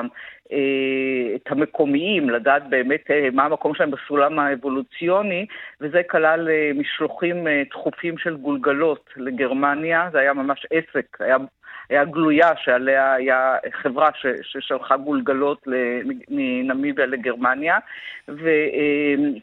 גם כריתת איברים, והיו הרבה מאוד ילדים שנולדו כתוצאה מאונס, קשיים אה, כלפי נשים, אז אה, אה, גם אלה הפכו לחלק מאותו מאגר של מחקר מדעי של תורות גזע שונות, שבעצם נועדו, לכבו, נועדו לקבוע שיש גזעים ש, שזכותם לשלוט על גזעים אחרים וגזעים אחרים שבעצם לא צריכים להתקיים. וצריך לזכור גם שבאותה תקופה אנחנו רואים כמובן הכל בפרספקטיבה של... של השואה, אבל uh, אנחנו מדברים על תקופה שבה הגרמנים בשום פנים לא היו היחידים, כלומר, אותן תזות של uh, מדידת גולגלות ואותן תחושות שעל פי מראה אתה יכול לקבוע האם האדם הזה הוא פושע או לא פושע, על פי גודל האף, על פי מדידת הלסת, כל מיני דברים. היה אה, צרפתי בשם ברטיון שנודע בכך. בקיצור, זה לא היה רק גרמניה, זה היו האירופים כולם. וכמובן נכון, גם האמריקנים כלפי הילידים בארצות הברית. בוודאי, המדעים האלה התפתחו יותר דווקא בעולם באמת האנדוסקסי, ארצות הברית, אה, בריטניה, אה, גם בצרפת, זאת אומרת, אה, התורות האלו שעסקו במדידות למשל של אברי של תווי פנים, הם אה, היו, אה, התקיימו כחלק מהתפיסות המדעים של, אה, שהתבססו על דרוויניזם ודרוויניזם חברתי, אבל אם הנקודה שלנו כאן, הנקודה היהודית, אז אחד הדברים המעניינים שבעצם הגולגלות שנשלחו למחקר בגרמניה, באחד מהם היה אחד התלמידים היה בהמשך מנגלה, דוקטור מנגלה, וזה הקשר בין. בין הג'נוסייד בנמיביה באותה תקופה לבין השואה בהמשך. כמובן, הראייה של גזעים נחותים. נשאר, נחזור רגע לגרמניה. גרמניה הגיעה מאוחר למרוץ אל אפריקה, וצריך לומר שבאופן כללי, גם, ה, גם האחרים לא הגיעו בעצם אל ליבה של אפריקה ממש עד סוף המאה ה-19. הם נשארו לאורך החופים, הפורטוגלים ולימים הבריטים בעיקר, גם הצרפתים. והגרמנים הגיעו מאוחר לעסקי ניצול העולם ובזיזתו, ביסמרק בכלל התנגד לזה, ששאלו אותו, מה עם המושבות האפריקניות שלנו? אנחנו הרי מעצמה, אנחנו אימפריה. הוא פרס את מפת אירופה, אמר, פה גרמניה, פה רוסיה, פה צרפת. זו מפת אירופה, אפריקה שלי, כלומר, צריך להתמקד במה שחשוב, אבל יורשיו רוצים מושבות. מה, זה פשוט בגלל שכל מעצמה צריכה שיהיו לה מושבות, אחרת משהו חסר בהגדרה שלה? כן, באמת המרוץ הקולוניאלי על אפריקה היה האחרון מהמרוצים הקולוניאליים ברחבי העולם, אבל הוא היה מאוד מהיר והיה סוחף. וגרמניה אולי התנגדה בהתחלה, אבל צריכים לזכור שקונגרס ברלין של 1884-5 כן היה בגרמניה, כן היה תחת חסות גרמנית. אה, גרמניה באמת הייתה late אה, bloomer כזו באירופה, התאחדה מאוחר, אה, לא היה לה מסור, מסורות אימפריאליות קולוניאליות כמו לבריטניה ולצרפת, אז גם גרמניה, גם איטליה הצטרפו בשלב מאוחר יחסית, אבל אה, הם נאלצו לקבל את מה שנשאר פחות או יותר, מה שנשאר מהשיירים של המעצמות הפעילות באפריקה.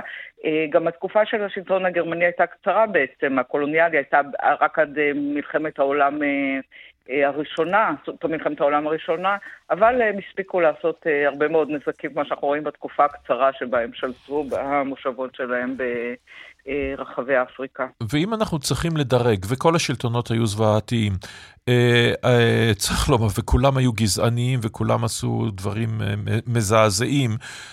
האם במקום הראשון יהיו הגרמנים של רצח העם הזה, או הבלגים, השלטון הנוראי שלהם בקונגו?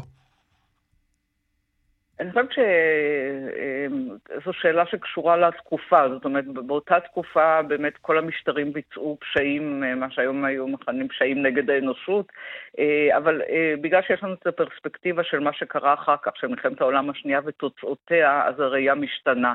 ואנחנו באמת רואים ברצח האררו ואנמה את ה... המבשר. במקום שבו התחילו הניסויים בעצם ברצח עם, שהתוצאות המפלצתיות שלהם התגלו אחר כך. אז אפשר להגיד שאולי הגרמנים באמת בתקופתם הם לא היו הגרועים ביותר מלבד אותו מקרה. אה, הזכרת את המקרה למשל של הבריטים כלפי הבורים, היו מקרים קשים ביותר, אה, אבל אה, אם אנחנו מסתכלים בהקשר למלחמת העולם השנייה ותוצאותיה, אז אולי אנחנו נחרדים יותר ממה שקרה שם. מה היו התגובות בגרמניה? זאת אומרת, האם היה מישהו שבא ואמר, רגע אחד, מה שאנחנו עושים פה זה דברים נוראים? כי בבריטניה למשל, אה, היו, התחילו להיות תגובות לגבי הדברים שנעשים, וגם במקומות אחרים, בגר... או שבגרמניה בכלל לא התייחסו לכך, לנושא הזה. ראו בכך אפילו מקור גאווה. אני לא כל כך uh, מכירה את התגובות שהיו, אני יכולה uh, לחשוב אולי שבבריטניה הייתה מסורת uh, הרבה יותר אה, ליברלית, למשל בעניין של התנגדות לעבדות. העבדים, כן. וכן. אה, אז, אה, ומעצמה עם מסורת גם אימפריאלית, ומתנגדים לאימפריאל, לאימפריאליזם הרבה יותר מושרשת, אבל אפשר לדבר על מה, מה שקורה אולי בגרמניה בשני העשורים האחרונים, לגבי בהחלט. ההתנצלות לעם האררו כלפי הטבח שבוצע בהם. אז מהבחינה הזאת, זה, אלה הם שקשורים אה, בהכרה בפשעים, וזה רק עכשיו, זה רק לאחרונה, זה בשני העשורים האחרונים, אה, למשל שינוי שמות רחובות, שינוי שם רחוב על שם אותו, אה, אותו מושל גרמני, ש... ש שעמד מאחורי, שביצע את ה... לותר פון טרוטה, כן. כן, כן. רגע, אבל האם ממש יש פה התנצלות? כי מדינות אירופיות די נזהרות, הן מבקשות סליחה, אבל הן לא לגמרי מכירות באחריות, כנראה מחשש לתביעות פיצויים ענקיות על כל מעלליהן בהיסטוריה. אה, נכון, אז ההתנצלות אה, היא לא, לא שלמה, היא לא ברורה, אבל יש הכרה אה, גם למשל בתשלום פיצויים. יש, הם שילמו פיצויים, הם הם, הכירו ב, אה, למשל בעניין של סחר הגולגלות והחזירו אה, אה, את, ה, את מה שנשאר לנמיביה. זאת אומרת, יש, יש סוג של הכרה, היא באמת לא הכרה מלאה, כי באמת זה... זאת אומרת, זו תהיה תביעה של כל העולם כנגד המעצמות האירופאיות, אבל יש תהליך של הכרה שהוא מתרחש בשני העשורים האחרונים. באמת אולי השינוי של השם של הרחוב, אנחנו יודעים שהיום יש מאבק על אה, פסלים, על מונומנטים ציבוריים. נכון, אז אה, זה קשור לנושא הזה. זה מאוד משמעותי העניין ש, שאדם כמו אה, פונטרוט לא ראוי שיהיה רחוב על שמו. די מדהים אותי שהיה עד לא מזמן, אבל זה סיפור אחר. ומה, איך, איך המורשת הזאת, העוול הנורא הזה, איך רואים אותו בנמיביה. הרי לימים כמובן היה להם, אה, כפי שציינת, אחרי מלחמת העולם הראשונה, שיטת המנדטים, האזור הזה הופך, אה, הופך להיות אה, בריטי, ולימים מלחמת העצמאות וכולי. עד כמה בנמיביה עדיין מציינים אותו, עדיין הוא קיים ונוכח בזירה הציבורית? נמיביה היא מדינה שיצאה לעצמאות בעצם רק ב-1990, בשלב מאוד מאוחר, mm-hmm. אה, היא, אה, אה, אין מסורת נגיד של ימי זיכרון למיטב ידיעתי, וגם אפילו אתר כמו אי הכרישים הוא לא בדיוק memorial sites כזה מסוגים של מציינים רצח עם. יש אזכורים, אבל זה לא, הנושא הזה הוא לא מרכז ההוויה של המדינה הנמיבית. יש אקטיביסטים מבני האררו והנאמה שהם פועלים בנושא הזה. ובאפריקה בכללה? באפריקה השחורה, מה שנקרא, אפריקה מדרום לסהרה, עד כמה הנושא אה, קיים ביומיום, הנושא של הקולוניאליזם, הנושא של סחר העבדים, הנושא של הרציחות האיומות שנעשו בהן, או שהם עסוקים כל כך בבעיות של כאן ועכשיו, שהן רבות מאוד, אה, מכדי לעסוק בהיסטוריה. אני חושבת שמה שאתה אומר זה נכון, כי... אה... אחד המורשות הקולוניאליות האיומות ביותר היו הגבולות, הגבולות שנקבעו באותו קונגרס ברלין והם שרירותיים לחלוטין והם יצרו בעיות עצומות כמו מלחמות אזרחים בלתי פוסקות. אנחנו מדברים בימים האחרונים למשל על מלחמת אזרחים בסודאן, שגם היא חלק מהמורשת ה... הבעייתית הקולוניאלית של הגבולות של סודאן. אה, אז מצד אחד באמת יש עיסוק במורשת במובן הזה. אה, לגבי אה, אתרי הנצחה, אז קיימים אתרי הנצחה למשל לאותו סחר עבדים טרנס-אטלנטי איום ונורא של 400 שנה, אבל אה, זה לא אה, משמש כמרכז הזהות אולי, אה, כמו אצלנו, זאת אומרת, העניין של ההנצחה, של השואה, של ימי זיכרון, אה, אלא זה נמצא אה, במידה כזו או אחרת בשוליים. אבל יש, יש דברים נקודתיים, כגון התביעה למשל להחזיר את ה...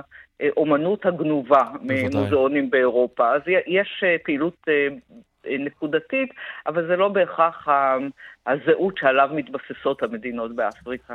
תודה לך על הדברים האלה. הדוקטור עירית בק, ראש התוכנית ללימודי אפריקה באוניברסיטת תל אביב, ורותי רמון היקרה, אה, מורתנו לעברית, אשת האקדמיה ללשון, כמובן שבשנים רבות ניסתה בחירוף נפש להציל את העברית מאיתנו השדרים, מתקנת אותי לגולגולות. תודה רותי, וכעת אל העלייה השנייה.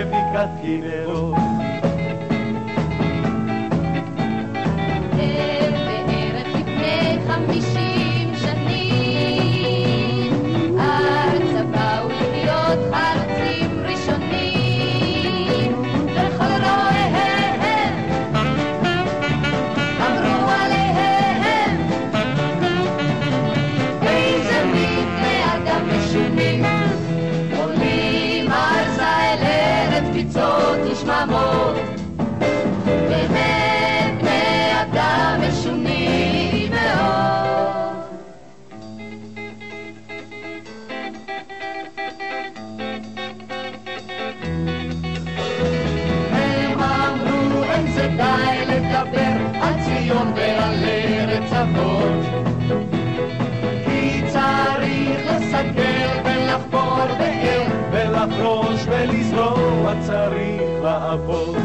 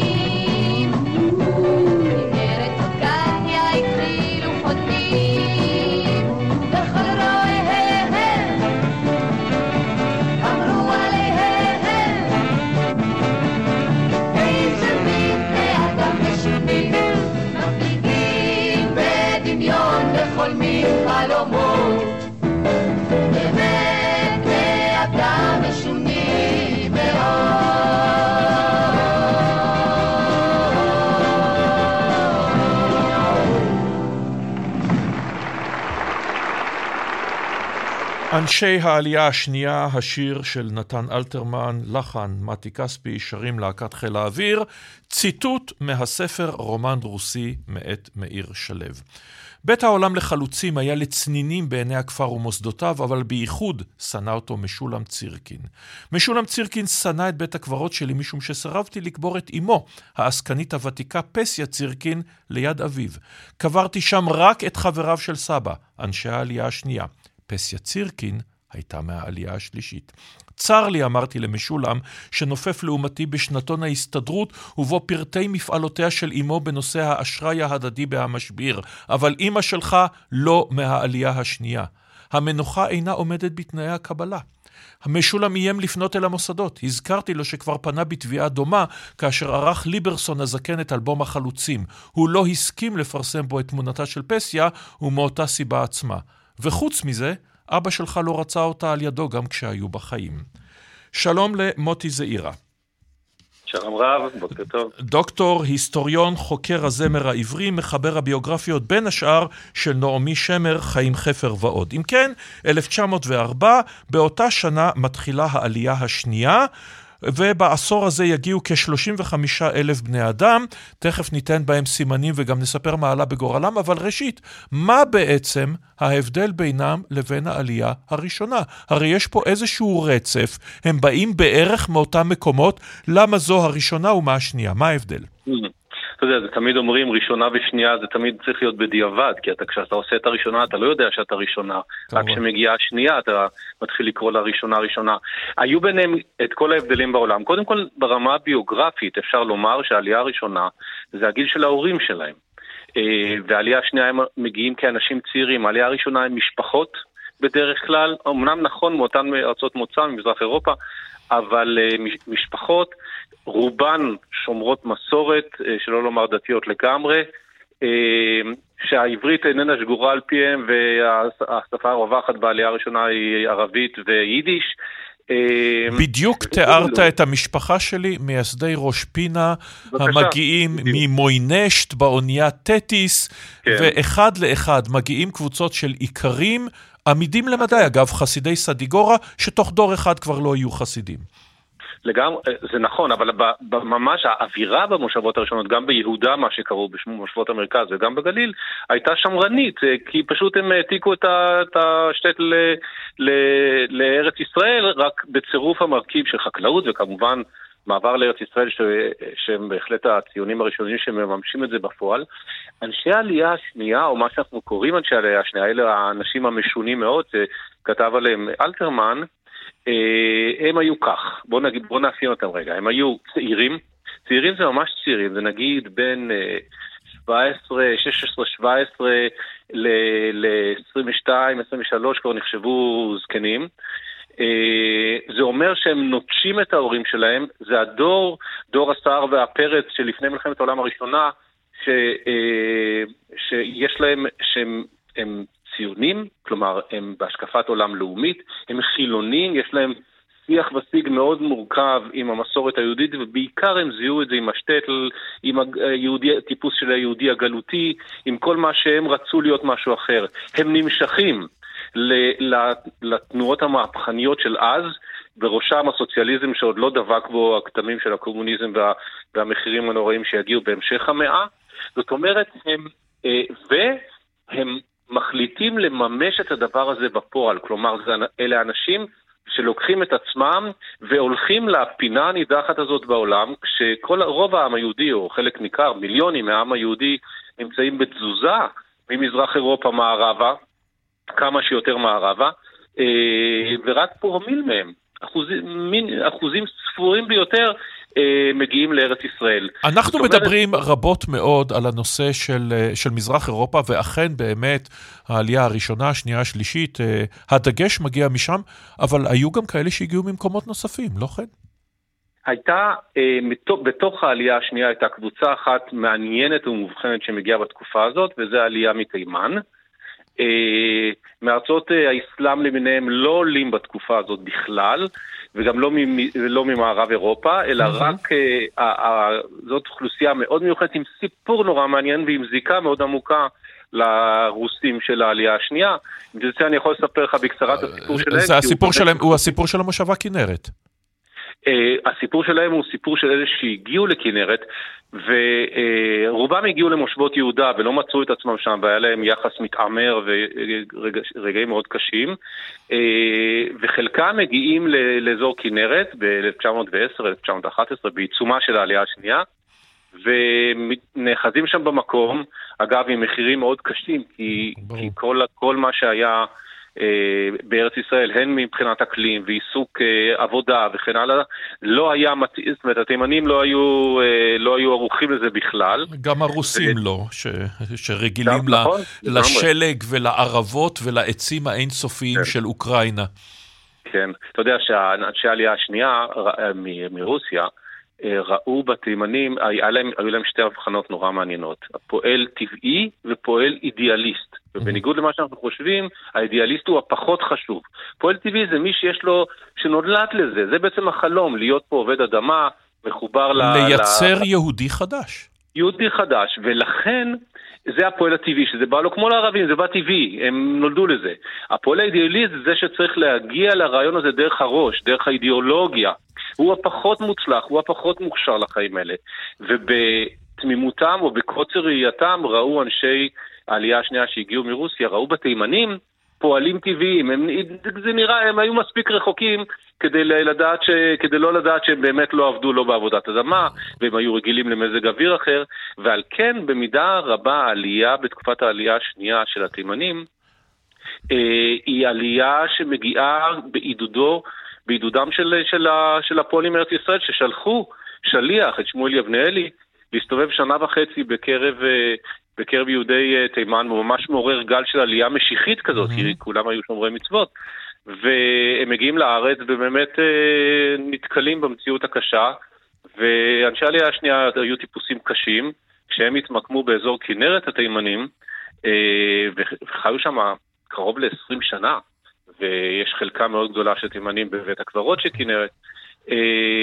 אז בסופו של דבר, בגלל מחלוקות על, על, על שטח על אדמות שלא, אז קבוצת כנרת ובכלל אה, אה, יישובי האזור אה, בסופו של דבר פינו אותם משם, זאת אומרת לא הם פינו, המוסדות המיישבים של אז הם עברו והקימו את, מושב, את המושב מרמורק שלימים יהפוך להיות רחוב. כן, שזה גם רחוב. סיפור שיש בו גזענות לא מעטה, נאמר את זה ב understatement מאוד גדול, ובואו נדבר רגע על הגשמת החזון באידיאולוגיה ובפועל.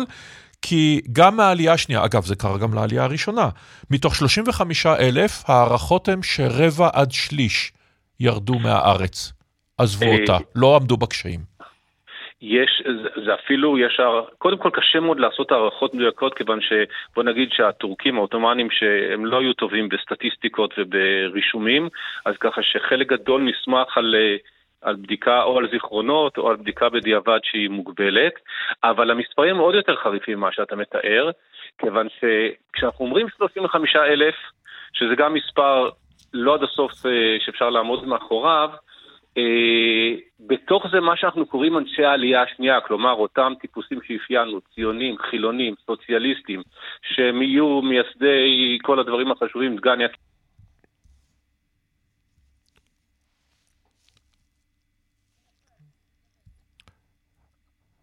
דוקטור זעירה, אינני שומע אותך.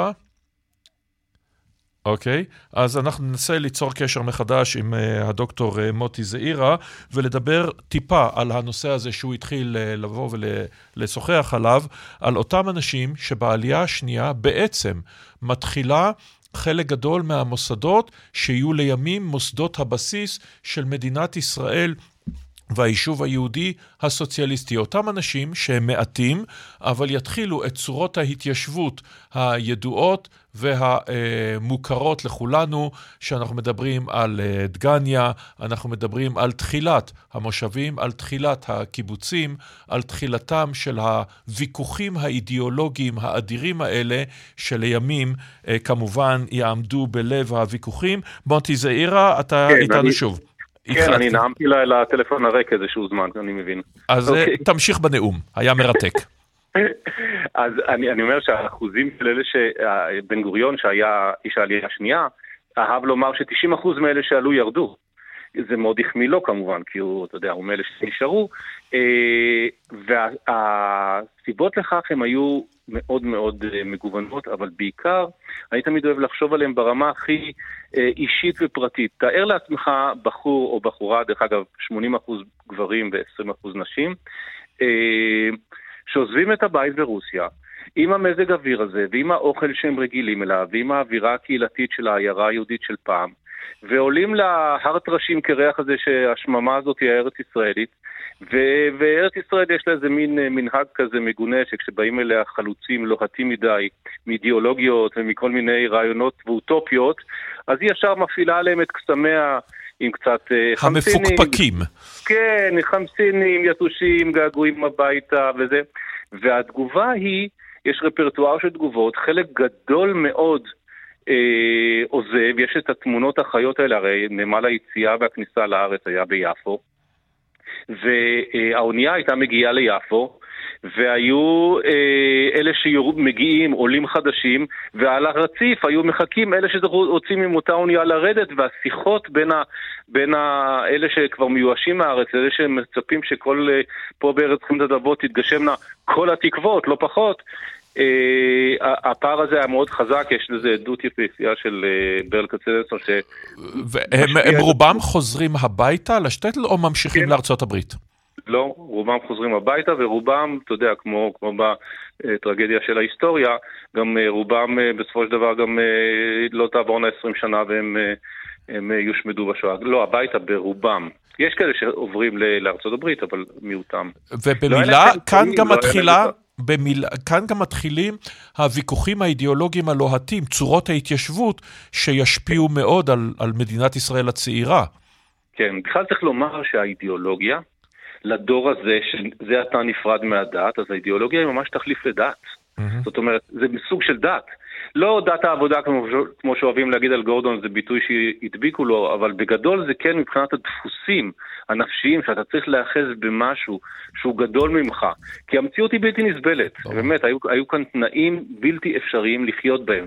אני מנסה לדמיין לעצמי בעמק הירדן בלי מזגן ובלי, אה, ובלי כל האמצעים של ימינו, ולעבוד שם מהבוקר עד צאת הנשמה, זה, זה, לא זה נתפס קשה. בכלל, ואכן זה לא נתפס. האידיאולוגיה הייתה סוג של בית, והעיתון והמפלגה, היה גם חיבור של, אה, זה, זה היה תחליף למשפחה, לא פחות. בוודאי. אבל על כל הדברים האלה אנחנו, זה מרתק, ואנחנו נמשיך ונשוחח על כך בהזדמנות אחרת. תודה רבה לך על הדברים האלה, הדוקטור מוטי זעירה. תודה רבה.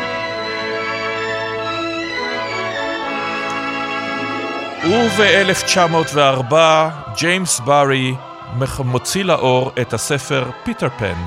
הכוכב השני מימין ואז ישר עד הבוקר, הכתובת של ארץ לעולם לא, שבה נמצאים הילדים האבודים שאינם גדלים לעולם, ואינדיאנים, ושודדי ים ובראשם קפטן הוק הנורא, וכמובן פיטר פן, ונדי וטינקרבל, לא נשכח.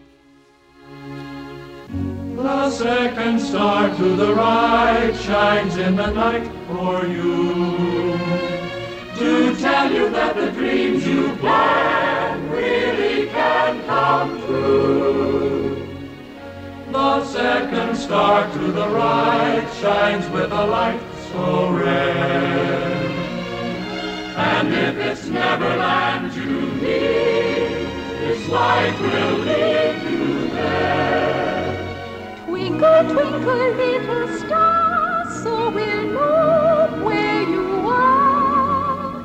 Gleaming in the skies above, lead us to the land we dream of. And when our journey is through, each time we say goodnight, we'll little star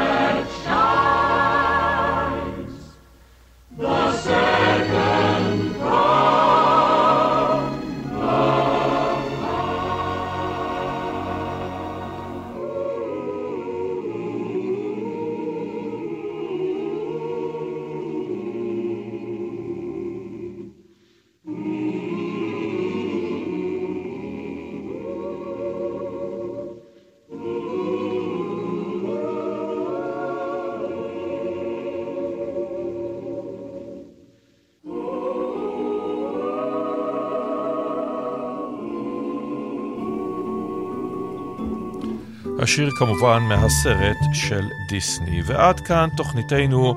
עורכת משנה ומפיקה מאיה טלמון הזרזר, על הביצוע הטכני ליטל אטיאס מיד, יומן השבוע עם שלום קיטל. התוכנית זמינה באתר ובאפליקציה ובפודקאסט של רשת ב'. כאן אורן נהרי, להתראות, שבת שלום לכולנו.